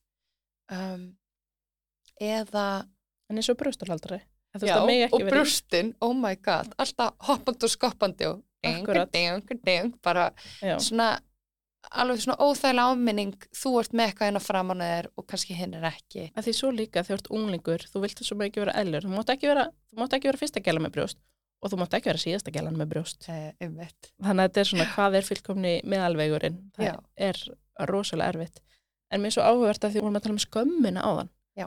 Því skömm er svo, ég held að þetta sé svona einn sterkasta tilfinning sem börn læra rosalega snemma. Já, eins og þetta, þú veist að við erum ekki bara á einhverjum tímapunkti hættu að- að gera þarfur okkar kúka, pissa fyrir framan aðra. Ekki lengur í bleið, þú veist að fara að gera á klósett. Mm Já, þannig að þú veist, jú, þetta drífur náttúrulega svolítið mikið áfram. Já, og með líkamann. Rosalega fljóta læra hvernig líkamar eru góðir líkamar, Já, hvernig já, þeir líti út. já að þú bara, þættinu sem við horfum á í dag Mm eða auðlýsingarnir sem við sjáum í dag mjög sjaldan eitthvað fjölbreyttur fjölbreytt ímynda af líkama. Þetta er bara Mhm. þessi mjóa mjóa kona með samt stór brjóst og rass Já. og ógeðsla falleg Og þú veist, gaur, eins gott að sért massaður. já, já, já, ég held nefnilega einmitt að við missum svolítið af gaurunum Mm af því að þeir eru þú veist, þetta verður ekkert endilega hætt, lífshættulega líkamlega Já, eins og þegar þú ert í, í svelti. Uppkastin getur líka verið mjög hættuleg af því þá lækkar kaljumgildið og svo framvegis. Við erum líka, þetta er óbúslega mikið álag á líffærin okkar að vera að kasta upp. Þetta er náttúrulega bara það, svolítið það sem við gerum í neyð. Þetta að kasta upp er til þess að losa okkur við slæma bakteríu eða eitthvað svoleiðis.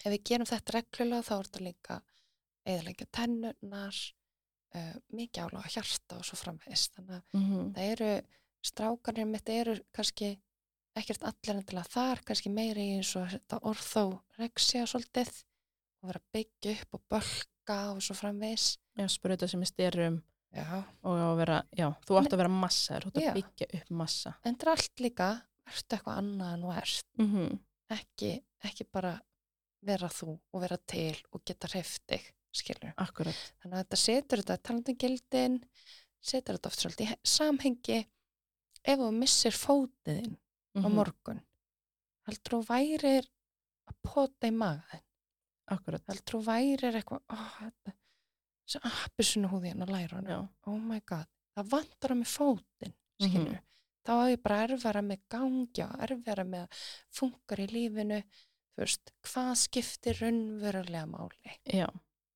Og svona sjálfsmildi, verður alltaf góður við sjálfa sig. Og að því ég, að því ég er mikið upp í ljósinu með fræðslur þar um kynlega og krabba minn. Einmitt. Og þar spyr ég ofta með sjálfsmildi. Þau eru svona misgóði að sína sér sjálfsmildi. Já. En þau eru alltaf svona, já, maður neyttist alltaf til þess.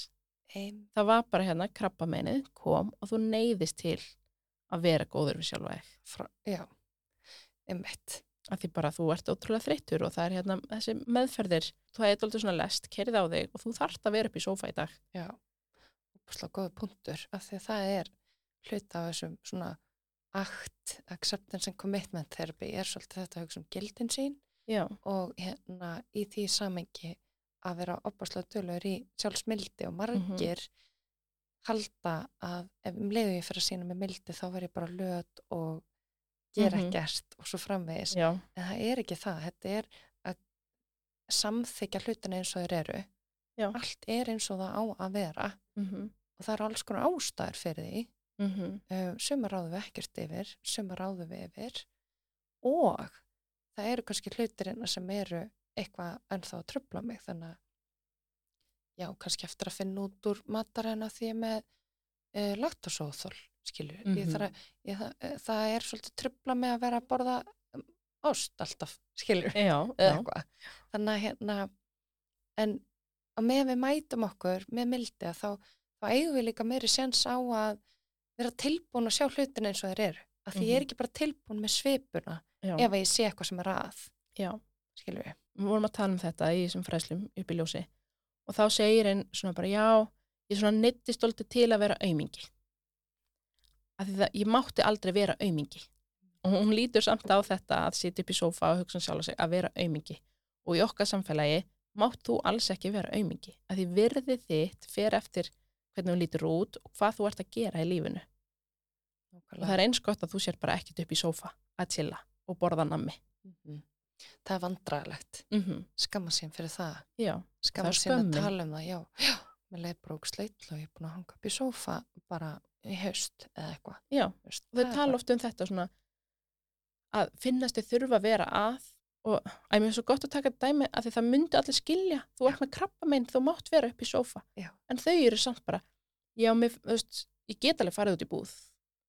Þú veist, ég get alveg kert, ég get labbað, ég er ekki með göngugrind er Mhm. eitthvað nei en þú ert að glíma við þessi veikindi. Máttu ekki bara máttu ekki bara vera aumingi, þóttu sért líka ekki að glíma við veikindi. Mhm.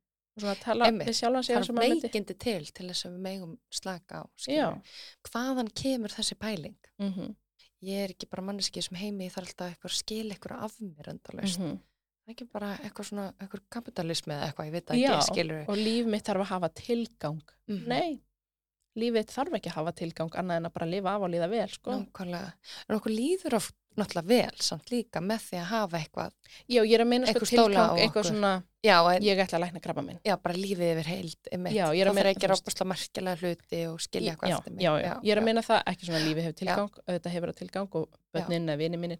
Ég er að meina svona, ég verða afrega já, já, þá er líf mitt einhvers virði já, og ég verð, þú veist, og er það verði að afrega að hafa stjórn á þingdini minni verði ég að afrega hérna þessa mentun eða hérna þannig ég hitt ekki vini mína og fjölskyldunum mína og ég borði ekki að því ég er svo mikið ætla að afrega ég er ekki að heyrta líka eins og fyrir útskriftir, hvað ætlar að sé hann að gera?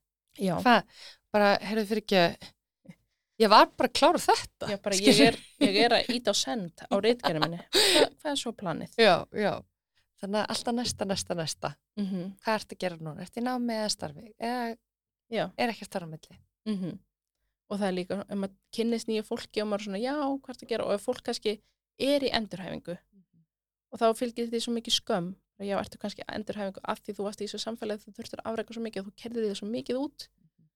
En, það er svona, já, er ég endur, en, en sko, þú veist, ég er alveg að fara að klára það og svo ætlum ég bara aftur að vinna. Nákvæmlega.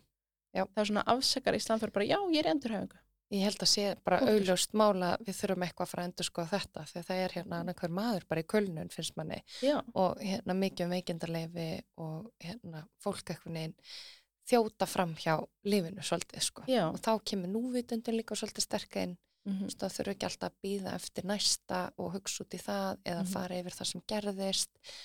Ég ætla bara vera hér og Mhm. einmitt hér er þetta borð svona á litin og einmitt hér er ég að upplifa þessa tilfinningu og svo framvegis. akkurat en hvað er svona langtíma áhrif hafa svona átraskanir á bara bæði líkamlega og andlega hilsu Einmitt, sko andlega, ef við tölum um það að þá er Mhm. það svolítið þetta að maður á í hættu að eiga alltaf kannski svolítið erfitt með mat það fer Já. svolítið eftir hversu lengi við stöldrum við þannig að þess vegna finnst mér svolítið gaman að vinna með krakkana að því að þá ámar sens á að þú veist, hafa svo mikil áhrif já, skilur, ég er að reyna fyrr að því að það sem við sjáum líka þegar fólk er mjög lengi í þessu mm þá er það eitthvað neginn búin að finna leið til þess að lifa með þessu. Það er já, orðið the way of living eitthvað neginn. Og þá getur verið erfiðara að sækja motivation til þess að breyta.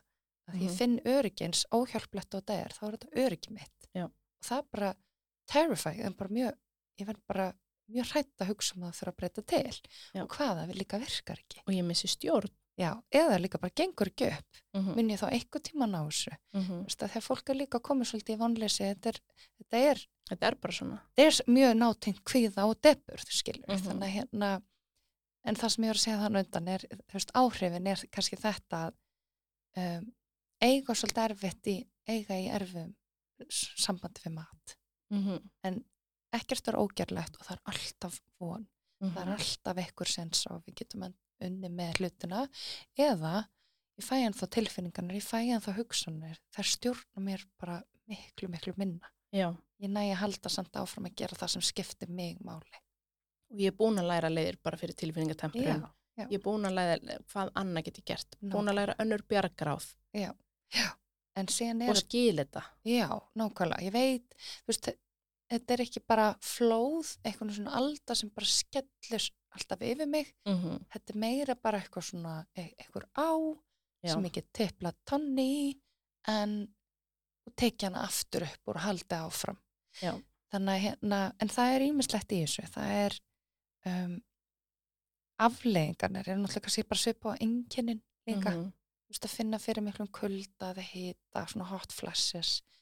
Um, við erum fann að svitna meira já, jafnvel í hættu að, að hérna, líða yfir mig finna fyrir miklum svima ógleði um, ef við erum að kasta upp eðilegging á tönnum sem getur verið bara mjög kostnaðasamt Mhm. þessu samfélagi í dag. Já, finna fyrir svona um, svona óþægindum á bring, í svona bringusvæðinu um, hjarslátturinn er jafnvel ánum mjög hægur sérstaklega verið mjöndu þyngd sem það, það er ástæðan fyrir að fólk deyri yfirleitt úr hjartastoppi. Lágu blóðþristingur þannig að já líka erfitt með að standa fljótt upp þá bara fæ ég aðsveif já, um, þá endalusar meldingatrublanir annarkort stípluð eða einmitt öfugt bara upp og niður af whatever vera svolítið svona veiklulegur. Það er hægt á ófrásemi þetta verður kannski hefur áhrif á beinin þau eru veikari fyrir uh, minnisleysi erfitt að einbytta sér missa hárið eða aukin hárvöxtur og svo framvist þannig að já, það er hægt að líka á bara heila blóðfalli, flógum og hjartastoppi. já það er mjög margt Já, já, af því að þetta nær yfir, þetta er átröskun sem er eitthvað neginn bæði. já, Það er, ástæðan fyrir ég seti yfir lett svona, ég vil að fólk sé hjá lækni eitthvað staðar líka. akkurat. Og ég er engin þú læknir, ert ekki að taka blóðpröfu og fylgjast með kaljum leveli hjá fólki. Alls Það- ekki. Og ég, ég ger heldur ekki þá kröfu að heimilisleiknar eða sérfræðingar í sko, nei, átröskun. Þannig að ég er, ég er öruglega ekki vinsæl vinsæl á helsugjastlunum en ég sendi fólk bara með eitthvað svona bækling Já. sem er ætlaður heimilisleiknum Já. Sem fer yfir af því það eru hluti sem þú þarf að gera öðruvísi mm í lækniskoðan fyrir átröskun versus bara akkurat þannig að þú tekur blóðþristingin liggjandi og standandi en ekki bara Mhm. sitjandi já, skilur eitthvað svona veist til þess að sjá munin þú Akkurat. skoðar einmitt eitthvað meira kaliummagn eða Já. þú veist sem ef ég færi til læknis og ég bara ég þarf blóðpröfu Já. þá myndi það kannski bara, ok, tjekka á vítaminum já, já, já, Já. En aftur, ég veit ekkert um þetta já, ég hef lesið mig bara til um það þannig að það er ástæðan fyrir að ég ætla ekki að taka ábyrðaði heldur. Já, einmitt. En hvað, hérna, hvað meðferðar úrræði eru fyrir fólk með átraskanir? Einmitt, það er náttúrulega sálfræði þjónusta hjá heilsugjastlinu sem er svona fyrsta lína mm mm. viðkoma. Önnur lína væri þá sjálfstætt starfandi eins og ég er að gera á stofunni minni. Það eru fleiri að vinna við þetta heldur en ég náttúrulega.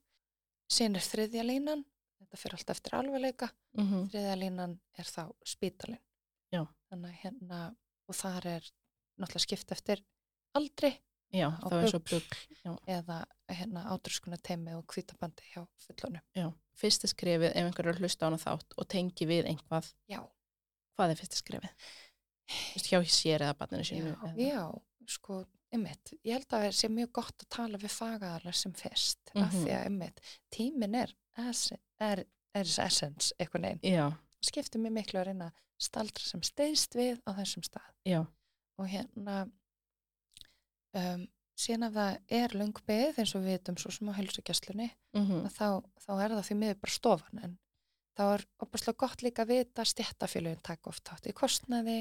Akkurat. er aldrei að vita um að vinnan bjóða upp á okkur líka og bara ykkur fræðsla, sækja sér fræðslu, það er sjálfsjálfarefni Mm Ég, því miður er ég bara með meira bara á ennsku -hmm. um, svona alveg bara workbooks, eitthvað vinnubækur og fræðsla en fyrir börn þá eru þeir sterkar út í lífi það er verkefni sem að þau hafa unnað á stofunni hjá mér Þú ert á Sálfræðstofu Íslands.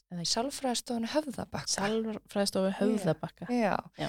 þannig að þar er hérna eigandin Þordís eh, handlæra minn sem er alveg frábær hún sérst, hennar svona verkefni var að búa til síðu fyrir foreldra Já. til þess að efla sjálfsmynd banna og það er sterkar út í lífi.is Mm það er frábær tæki og tóli ef maður er foreldri að spotta eitthvað til þess að bara byrja sjálfur heima og hvernig á ég að taka þetta samtal og hvað get ég gert En kannski að því við ætlum að fara núna út í kynlífið. mm. Við ætlum að byrja því þátturinn að sjálfsögðu bóði Elko Unasvara.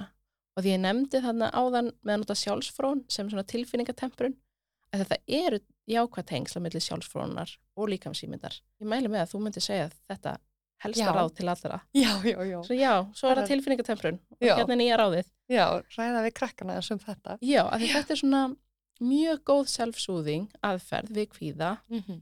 en líka bara svona ná, ná þér inn í líkamaðinn.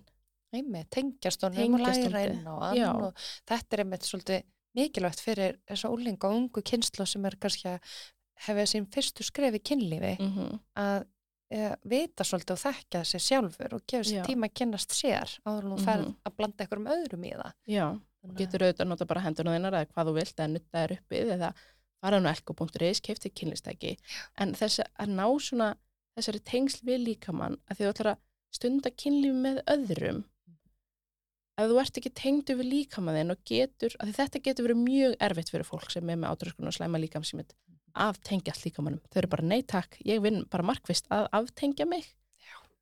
og þetta er þá kannski svona örugar rými, þú ert í sjálfsfrón þú ert með þér, það er engin annar sem er svona að pæla hvernig þú lítur út eða þú að hugsa hvernig, af því það er frekar þannig þú að hugsa hvernig held, halda þau ég lít út. Ég verða að passa mig að vera svona og svona og svona í þessu kynlífi. Mm -hmm. en þetta er kannski svona örugar rými fyrir þig að svona ná þessum tengslum aftur það getur líka verið mjög kvíðavaldandi segir ekkert endilega manneski með átröskun já farð þú nú bara stundar sjálfsfrón náðu góðum tengslum með líkamann En það er Já. hluti af náttúrulega samt vinnunni. já, Það er svolítið að, mynd, að byggja þessa sjálfsmynd. Þú mm ert búin að taka svolítið eftir hvar þú ert að berja þig niður -hmm. og reyna að stoppa það af þar og þá þurfum við svona meðvitað bara með mikill vinnu að efla meira tengslinn við eitthvað svona hlutlust og að mm ekki bara að líka með sér ding, ömulegt, ógæslegt uh, má ekki sína öðrum eða eitthvað svo leis Já, og leifa þér unað að því oft snýst þetta um, þú veist kannski ég er slæm, líka minn er slæmur og hann á ekki skilið að líða vel. Já, þetta heyrir maður náttúrulega líka svolítið oft eftir kemfyrirslegt ofbeldi. Já. ekki neitt gott skilið eða hérna, eitthvað svo leis Og með tengslinn að því, við nefndum áðan tengsl kynferðislega ofbeldis við átröskun að því oft viltu breyta líkamanninum þannig að þú ert ekki kynferðislegur. Og þá er það kannski einmitt bara ég má ekki bæta á mig að því þá var ég með mér og brjóst og ég verða að minka það, Já, því ég verða að minka mig Já. svo ég verða ekki eh, desirable, eitthvað svona, svo ég verða ekki einhvað sem enginn má vilja mig. Já, en ég ætla að minka mig og líka minn á ekki gott skilið. Þetta er svona myndast svona brenglað samband Mhm. þar á milli. Já og ég get ímyndið mig líka eins og trans líka mm þetta að reyna að stöðva eitthvað neinn þroskan af því Mhm. ég, ég tengi ekki við já, þess, það kyni mitt og mér finnst það erfitt að sé að fara að myndast brjósta, mér finnst erfitt að Mhm. en mér langar eitthvað neginn svona að hægja á öllu já, sem er þá hægt að fá hormonablokkara en ég get ímynda mér að þetta sé áhættu þáttur Já. fyrir átröskun að fara í svelti að því ég meina líka svelti við tölum um svona áhrif svona á kynlíf og kynhelbriði að þú nefndi þetta að blæðingar geta stoppað því blæðingar er svo orkufrekar Já. og þær eru ekki lífsnöðsynlegar þetta er ekki eins og hjartað þetta lungun. Þá er líka með bara, herðu, það er hérna lítið af orku það slökkva þessu kerfi. Og að því svona þróunafræðilega þá vorum við auðvitað að borða mat til að halda okkur á lífi og ef það vorum ekki að borða mat þá hugsar líka menn, herðu það er skortur hérna, að því það er bara ekki til matur þau eru ekki að hugsa að þú ætlar að grenna þig.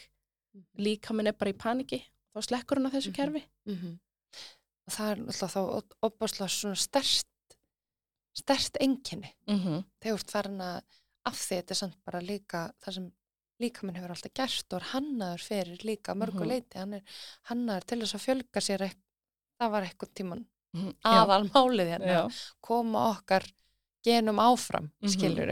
já, á hvað staður við komum þegar það er farið að slokka á sér? Já. þá er það svolítið alvarlegt.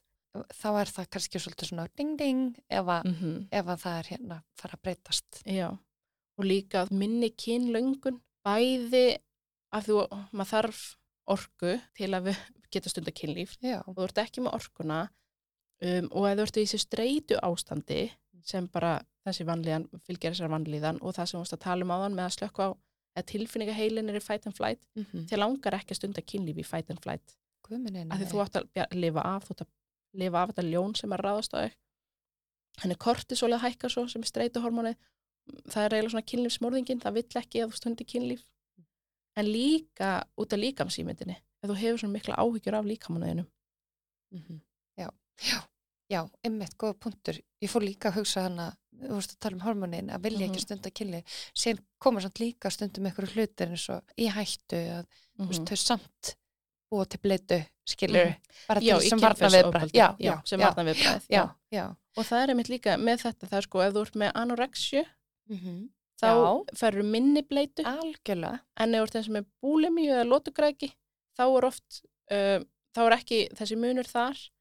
Um, og það getur verið erfiðar að fá fullnægingu ef þú ert með átröskun frekar heldur en búlemi eða lótugræki og það er oft svona að fólk með búlemi og lótugræki er frekar að stunda kynlíf að því það kannski leifir sér frekar að það leifir sér að borða leifir sér frekar svona þessa unaðstætti í lífinu frekar en átröskun þá ertu svona Anorexinu, já, já, já, já í anoreksinu Já. þá ertu að hérna banna þér að njóta Þess þar vegna á er svo gali stundum að hérna, fólk hafi þurft eitthvað neina eitthvað sannfæra lækni sinum að þau séu eða, þú veist, ég er ekki að segja ekki að sannfæra læknin eða eitthvað annan skilur mm Mhm. með séu með vandamál að þeir sest ekki á þeim já, en þú ert bara í venjulegu BMI Já. en ég er líka að matarhægunin er upp og niður sko, skilur mhm. Og svo er það kannski já, já, já, já, en ertu ekki alveg að borða holt? Já, já, um, ertu ekki alveg að borða? Já, en, En- þau kannski fengur líka litla fræðslu um átröskun og já, lifa í alveg sama óheilbriða Já, sambandi og já. samfélagi við. Ég finn að ég er búin að breyta spurningunum mínum sem sálfræðingur, það er alltaf í Mhm. fyrsta viðtala að tala um svefn og mat.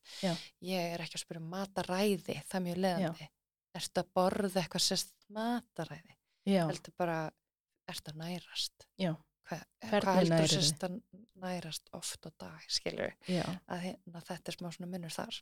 Já, en já, þú ert klála líka þú veist, með svo góða reynsli þessu, ég finna þú veist, þannig fengu við líka litla fræðslu sem í náminu um Já. svona hlutverk kynlífs og, og kynheilbreið og svo framvegist það var meira bara að vera að tala um kynlíf út frá einhverjum röskunum. Já, bara ef það var eitthvað að. Já, það var já, líka, já, ég var í háari sálfræðinni, það var lítið sem ekkert fjalla um kynlíf, nema mitt í kynlífsröskunum. En ég meina eins og í náminu þínu, ef það var fjalla lítið um átröskun, Já. hvað þá kynlíf og átraskanir og Já. hvernig það hefur haft áhrif. Og ég get ímynda mér, ef fólk er að hlusta og er einmitt sálfræðingur eða vinnur með fólki með átröskun og það er bara, nei, nei, getur ekki bara farið til kynfræðings eða eitthvað, tala um þetta. já, en það held ég líka að sálfræðingar eiga það smá til sko. Já, þau eru rosa við- feimin við kynlífið. já, og við vitum líka alltaf einhvern veginn, það er einhver það er einhver búin að sérhæfa sig í þessu Já. ég ætla ekki að fara að snerta á hérna, áfalli ég, mhm, ég þarf að vera búin að fara hérna í sérhæfa miði, fara í nám og eitthvað svona Mhm. aukarlega við bara námi mitt og ég er ekki að segja öllum að þau þurfa að dempa sér í, í hérna, áföll og átröskun alls ekki, Nei, en bara síðan eru samt svona þessi basic verkfæri sem við höfum lært og, og bara meðferð yfir höfuð, hún getur Mhm. verið bara mjög hjálplega líka. Líka bara það að opna á þú veist, eins og þegar þú ert svona, og kynlíf, er það hlutalífinu þínu? Kannski er það, að það var en hefur minkar rosalega mikið eða, já, þú veist, algengt enginn er kannski svona minni bleita, tengið þú við það? um, Þú veist, þegar maður er að skima fyrir einhver svona já, um, og líka því eins og þeim er, þau sem er með búlum í að lótugræki þau kannski sleppa því að stunda kynlíf að þau upplefa að þau myndi ekki hafa stjórn á því. Og þá forðast þau það alveg alveg eins og þau upplefa að hafa ekki stjórn á að borða og stunda þá ekki kynlíf af því þau eru svo hrættum að missa stjórnina. Og öruglega hefur áhrif á kynkvöld að vera -hmm. svona flögtandi í annarkort, þú veist, að borða lítið mikið Mhm. eða svelta sig mhm, að bara orkustegir út um allt já. Og eins og með, anoreksjuna, að því þá er oft svo mikil kynlífstengtur kvíði að þú hefur svo mikil áhugjur af, að svona matið á sjálfum þér og þú sért ekki nú en að gesa alveg góður í rúminu og að því það er svo mikil kvíði tengtur því, þá bara minkar kynlengunin þannig að þú ert bara, nei, ég hef ekki áhuga á kynlífi. Sem getur verið, þú ert í alveg bara eikinniður einstaklingur og hefur ekki áhuga á kynlífi, en er það kannski bara, ok, hvað er þar? Bara, já, ég hafði alveg sem unglingur eða eitthvað svona, ég var alltaf skotur í öllum en núna bara, nei, mér langar ekki núna. Einmitt, að sjá breytinguna og þannig að hvernig var þetta áður en þessi vandi kom til þá er maður búin að spotta kannski áhrif og, og, og já, enginni Já, Já, og þetta með kynlífi bara, já, ég myndi alveg hann ekki séns hvernig ég lít út. mm -hmm. Bara það myndi enginn vilja sofa hjá mér. algjörlega og mér finnst ég alveg líka að sjá það þegar fólk eru langt leitt í hérna, anorexia það kannski er alveg bara mér finnst þetta ekkert flott Mm -hmm. ég sé alveg beinin mín og, og mér finnst þetta ekki það sem mér þykir flott ég sé Mhm. bara það augljóst að ég er vannærð eða eitthvað svoleiðis en komast samt að náttúrulega ekki yfir að þetta er, þetta er komið út í svo margt, margt Já. annað Akkurat. þetta er ekki bara útlit Mm -hmm. þetta er, þetta er svo marg slungi á flókið þegar það er Já. bara svo margi vinklar á þess að það er Mhm. bara grín Já, svo getur líka verið bara,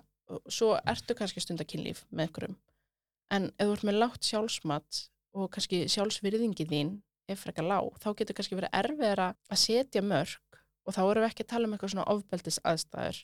Heldur meira kannski einhver er að spurja þig, herðu, má ég hérna, ertu til í þetta? Eða að þú segir bara, já, segir já við einhver sem þú myndir ekki held vilja gera Mhm. og það er, ef þú varst að tala um hana tilfinningaheilan og framheilan, Mhm. að því eins og áfengi hefur svo mikið áhrif á þetta svona svona áhættuhæðun í kynlífi, Mhm.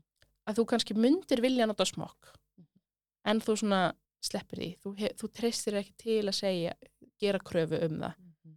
og vera með einhverja eina gæsala bara einhverja kröfur. Já, og bara talandi um það, þú veist, er það ekki bara algjör bömmir að fara að fara eitthvað að ræða af hverju við þurfum smokka eða ekki, Mm -hmm. skilur ok, það fengið kynnsjúkdóm eða, skilur Já, ok, það er ekki mjög sexy samtal, Já. kannski þannig að þú er að eiga bara, það. já, og það er kannski það sem kemur svolítið svona einmitt, þegar fólk er að byrja í þessu að hérna, þurfa að eiga þetta samtal til Mhm. þess að vita við hverju að búast en þetta með sjálfsmati þá getur vita ímislegt, ég veit alveg að kynlíf er helst hérna, þú veist, við eigum að öllum með áhulíða vel Mhm.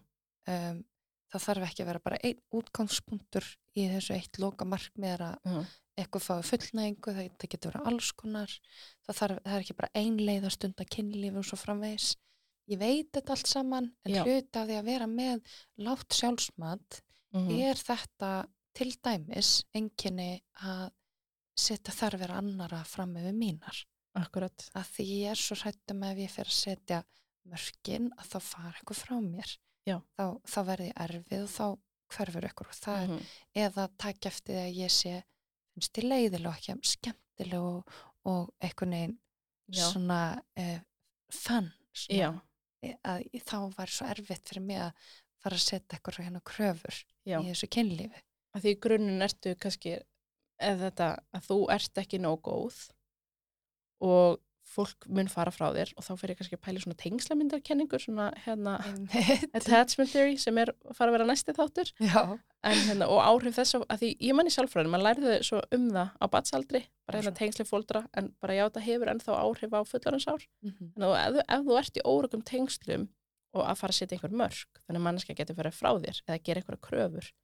Og líka með svona að hlut gera sjálfa sig mm. að ég er hérna fyrir aðra að njóta Mhm. það er svona þar ég að líta út á ákveðin hátt svona self-objectification er það ekki bara Jú, bara að ég hlut gera sig, sig já. já. Að því ef að þú ert í þessum líkama fyrir aðra að njóta, aðra að horfa á þá skiptir máli hvernig þú lítur út Já. í kynlífinu, þá ert þú ekki að fara að vera það er ekki að fara umturnast að allt í einu kynlífi ertu bara já, ég má njóta og mér má líða vel og ég má gera kröfur Mhm. þannig að þetta er svo já, Já, bara þú veist þetta einfalt dæmi bara hvað er á að borða að, þú veist, Mhm. kemur þú með tilhör eitt maður sjálf Já. eða, eða þú ert nýbúin að fá þér Sarano bara að segja æ, ó, og ó, það og það er lett maður að Já. þurfa að setja þessi mörk já, en eða ég borði ekki svona Já. bara, já, já, ég fíla þetta ekki alveg ég Já. finnst svona ekki alveg næs Mhm. en, þú veist, og suma hluta er bara náttúrulega ekkert þetta málamiðla með nei, skilur, málamiðla er ekkert hvort að uh, við erum að gera þetta í kynlífið eða ekki Mhm. skilur, bara, það er alltaf lægi að prófa en ef þú veist, Ef þú ég vilt vil ekki Já. segjum enda þar smög já, ég, Bara- það var hef- fyrsta sem ég hugsaði Já. bara ef ég vil ekki enda þar smög og ég veit að mér finnst það brókslegt af því að það eru mínar hugsanir um enda þar smög og ef að manneska byði mig um það og er kannski bara að passa mörkin og samþyggi og manneskjan er bara, herðu, við erum hérna með sleipefni bara allt eins og á að gera á blaði Mhm. Og er að spurja þig og þú segir já en þú ert að segja já af því þú meikar ekki að segja nei. Mhm.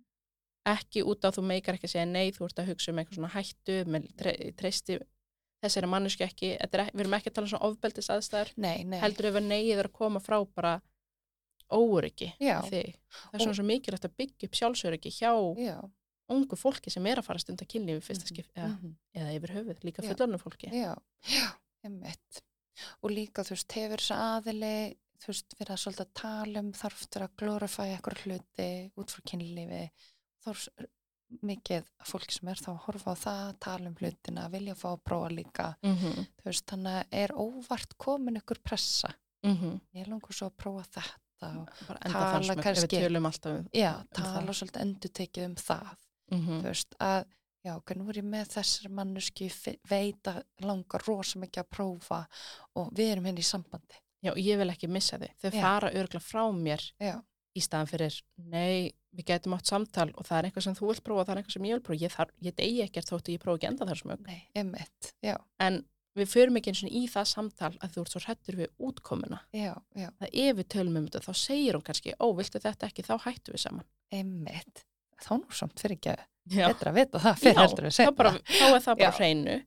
En og að það er- þetta, já, að maður megi vera með eins og þú mátt alveg vera bara, jú, mér langar að vera í sambandi þessum stundum enda það smög Já. en ef þú vilt það ekki, þá er það bara alltaf læg og ef þetta er dílbreykar fyrir, þá þarf ég bara að ákvæða er þetta dílbreykar fyrir mér eða ekki? Nákvæmlega. Já, það er svolítið það sem að maður er alltaf að gera líka í svona sjálfmynda vinnu mm -hmm. og hvað finnst þér um það? Hvað finnst, ef við snúum sem alltaf við, ég vil ekki endilega þessa hluti kynlífi og manneskja verður bara í þvílíku uppnámi, reyð út í þig eða uh, fer þá frá þér að því að þú veist, þú ert ekki tilbúin í að fara yfir eitthvað, e, e, gera eitthvað sem, þið, eitthvað já. sem þið líður ekki vel með. Mm -hmm. Hvað segir það þér, skilur? Mm -hmm. Langa þig að vera með mannesku sem er þannig, já, skilur? Langa mig raunverulega að vera í kringum eitthvað vini eða, eða maka sem hafa ekkert alveg fullkomlega áhuga á mér heldur. mm eða finnst ég eitthvað astnarleg Já. langa mig að vera mikið í kringum mannesku sem að ég er endalust að spá í hvernig ég á að vera og haga mér og gera sýpla á tannum og, og vondi nefnaði ekki enda þar smög aftur. já, eða ef við höldum áfram með það dæmi. Já, já, Svona, já, þá er þetta kannski ekki alveg manneskjan fyrir þig. Já, kannski ekki vond manneskja og bara góð og auðvitað elskar hún á það máli vera. Já, en kannski eigi þið ekki samleið. Nákvæmlega og það, það tekur tíma að pússa saman og einmitt sumt er hægt að bara finna út saman með Mhm. samtali og sko einmitt þetta veist, að hérna, tjekka á fólki reglulega veist, þetta er hluti sem skipta svo miklu máli líka. Mm -hmm. um, þannig að þó þú hafar eitt mann sagt eitthvað, já, en spreyt snýrist högur, það má alltaf skipta um hug. Já, og líka því þú varst að nefna áðan með að fólk má alveg ekki fíla þig sem sálfræðing, já, þú ber ekki ábyrðaði ég má alveg vera með einhverjum sem er pyrrar út í mig, þau megi alveg vera pyrrað út í mig, þau megi vera reyð út í mig. Mm e, þú veist, ef að ég veit þau eru pyrruð að því mér langar ekki að gera þetta ég er að setja mörg þess eru þau pyrruð eða ég heldi niður vatni og þau eru pyrruð út í mig það er eitthvað sem þau verða bara að eiga. En ég má, og þetta er ógsa erfitt ég á ógsa erfitt með þetta, að bera ekki ábyrða tilfinningum annara Já. Guðminn Almar, svalfræðingur minn er vonandi að hlusta og er bara emmitt indjana vonast þú góði að segja öðrum þetta. Já, já, já. En, þetta það er eitt að segja og gera. erfitt. já, það er bara já, það er það, þetta Mhm. er æfing. Og þú mátt, þú bæði setja mörg og segja hvað þú vilt. Já, að því ef að þú vilt ef, ef þú ert enda þar smaka manneskjan mm þú mátt byggja um enda þar smög já, og þú mátt segja bara þetta er eitthvað sem ég vil í lífinu mínu. Já. Ok, þú vilt það ekki, þú veist að þetta má fara á báðavegu, þú mátt setja mörg en þú mátt líka byggja um það sem hún vil já, já, en þú verður auðvitað að geta tekið nei og þú ætlar ekki að suða, nei því nei. Það Já. er, þú suður nógu mikið og hún segir já, það er ekki þú veist, allt það er þetta bara ofbeldi, Mhm. skilur, já, já. Þannig að, jú, Já. ég held að þetta gæti reynst alveg erfitt, bæði bara líkamlega þættir, þú veist, orkanið mitt, einbyttingin, mm tilfinningin, þú veist, þegar við erum slöpp, já, þá er ekkert endilega kynlöng kvötin eitthvað æðislega há, Nei. sko. Þannig að hérna, tekur orku að stunda kynlíf já, þannig að hérna, um, þá hefur það áhrif og þá get ég myndið mig líka úr til sambandi, þú ert að hafa áhyggjur af því, nú er ég svo mikið byrði mm eða eitthvað og uh, Já. ég verð þá allavega að láta aðra hluti gangu upp Já. eða eitthvað svoleiðis. samvisku byttið, hlutverk mitt sem einkona eða sem maki já, já, algjörlega. Að vera bara meðvitaður um þetta og taka samtalið. Það já. og svo líka í rannsóknarvinnum með, með hana þátt og það var svona hvaða ráð eins og fyrir maka og það er þetta líka að vera hrósa en ekki fyrir líkamann Einmitt. að vera, eins og við vorum að tala um áðan með að skoða bara hérna, gildin sín Já, að maki hrósi út frá þú, þú letur mér líða, líða svo vel. Þú ert svo fyndin, þú ert svo skemmtileg.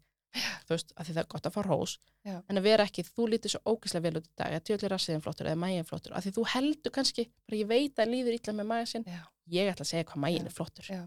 þá ferð þú að hugsa, oh my god, hann, hún er alltaf að horfa á maga minn. Hún er að, ég vissi að hún var að pæla svona mikið í magana mínum. Annars var hún ekki að segja að hann var flottur ég er bara að að horfa löfisblændi í þessu samingi, sko. Ég þarf að fara að rannsaka það Já, þá er ekki búin að sjá neitt og Já. fólk alveg bara svona upplöf mjög sterkar tilfinningar hvert persónu, sem ekki Já. með útlitin, senna. Mhm. Þetta er náttúrulega snar galin tilraun, en Já, hérna, en samt svo ógislega áhugavert Já. út frá þessu Já. að hugsa, og þú getur googlað alveg, láttu ChatGPT gefa þér bara hvernig á að rósa mannesku sem er rós sem eru ekki útlisthengt einmitt, bara þú ert svo fyndir, þú lætur mig liða vel. Það er svo gott að tala við þig. Einhvað svo leis þannig kemur kannski líka þessi kynjamunur af því Mhm. að hérna strax í leikskóla, nú hef ég unnið þar líka þá eru spjöld til þess að minna starfsfólki á og ég þurfti að minna mig sjálf á líka. Já, þú veist að hún er svo sæt hún er Já. svo flottum fötum og hún er svo mikið Já. eða eitthvað. Þú veist að hérna, þær fá rosa mikið tannirós út frá í hverju þær eru og hvað eru sætur og krútlar og með flott í hárinu Mhm. skilur og meðan strákarnir fá allt öðruvísi þú ert rós svo sterkur, þú ert svo duglur, þú ert svo klár. Já, já, þannig að hérna og það er það sem er hluta af sjálfsmynda vinnu Mhm, er að gera sér grein fyrir öllum þessum hlutum sem við erum. Mhm, ekki bara eitthvað eitt og fókus á það og bera eitthvað saman já, heldur, þú veist, ég hef margt að falla á. Mhm, þannig að líka þegar mér gengur kannski uh, verri ganga verð það er Já. eitthvað meira off hjá mér, Já. þá get ég líka mynd með á það að, hérna, ég, ég, þú veist ég, fólk tengir við mig í vinnunni, Já. og um, margir leita til minni vinni Já. til að tala um já, þetta og mér þykir ó, ótrúlega vænt um fjölskyldum minni, elska frændum, litlu frændum minni, þeir eru mhm, alveg sjúkur í, í, hrafkvöldu frængu, skilur mhm, að geta mynd sig á þessa hlutu og rauninni aftur þegar maður er hann eldri hva, hvað vil ég að sitja eftir? Já, það ætla að fá kvóta í sko 95 ára gamlu ömmu mína.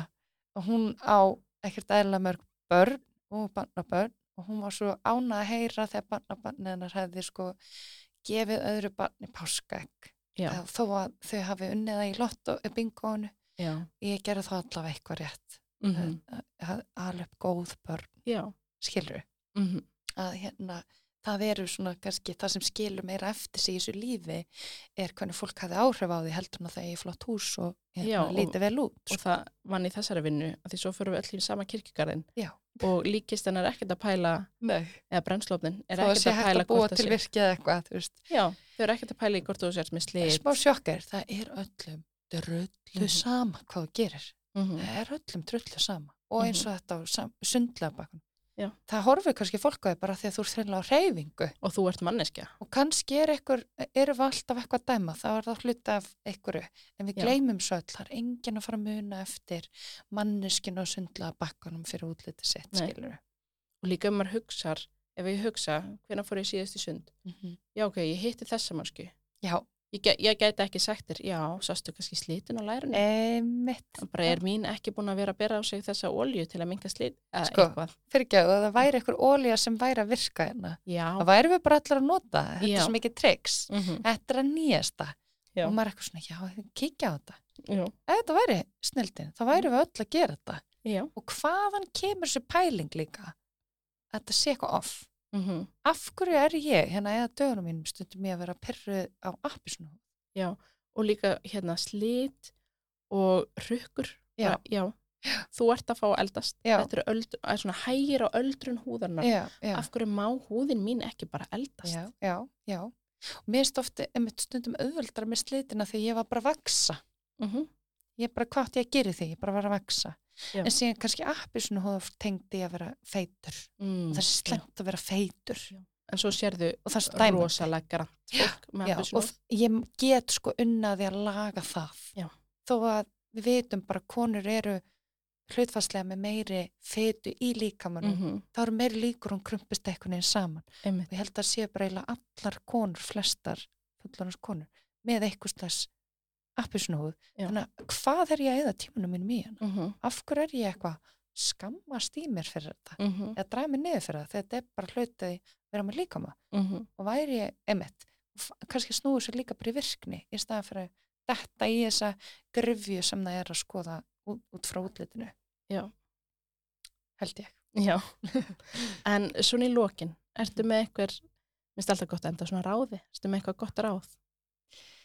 Ú, maður langar að segja allt sem þetta er í hug, Já. en ég, ég myndi vilja óska þess Mm að við gætum öll bara verið í þessum heimi og fæðst eins og erum veist, og, og, og gert það sem við viljum og fá bara frelsi til þess að lifa þannig. Um, þannig að reynum svolítið svona að minna ykkur á hvaðan kemur þessi pæling, af hverju er ég að rífa mig niður og að minna mig reglulega á góðu kosti eiginleika, afreg líka um, til þess að komast í gegnum daginn. Þannig að, já, þetta er ekki frábær lókar en þetta var sem þetta ég. Gott. Að vera svona líka bara meðvitaður, grípa svo hugsanir, Já, ég vil, já, ég myndi vilja óska öllum að líða vel í einn líkama þegar við fengum hann, skilur út þetta. Gekja. Það sé ég bara takk fyrir. Takk fyrir.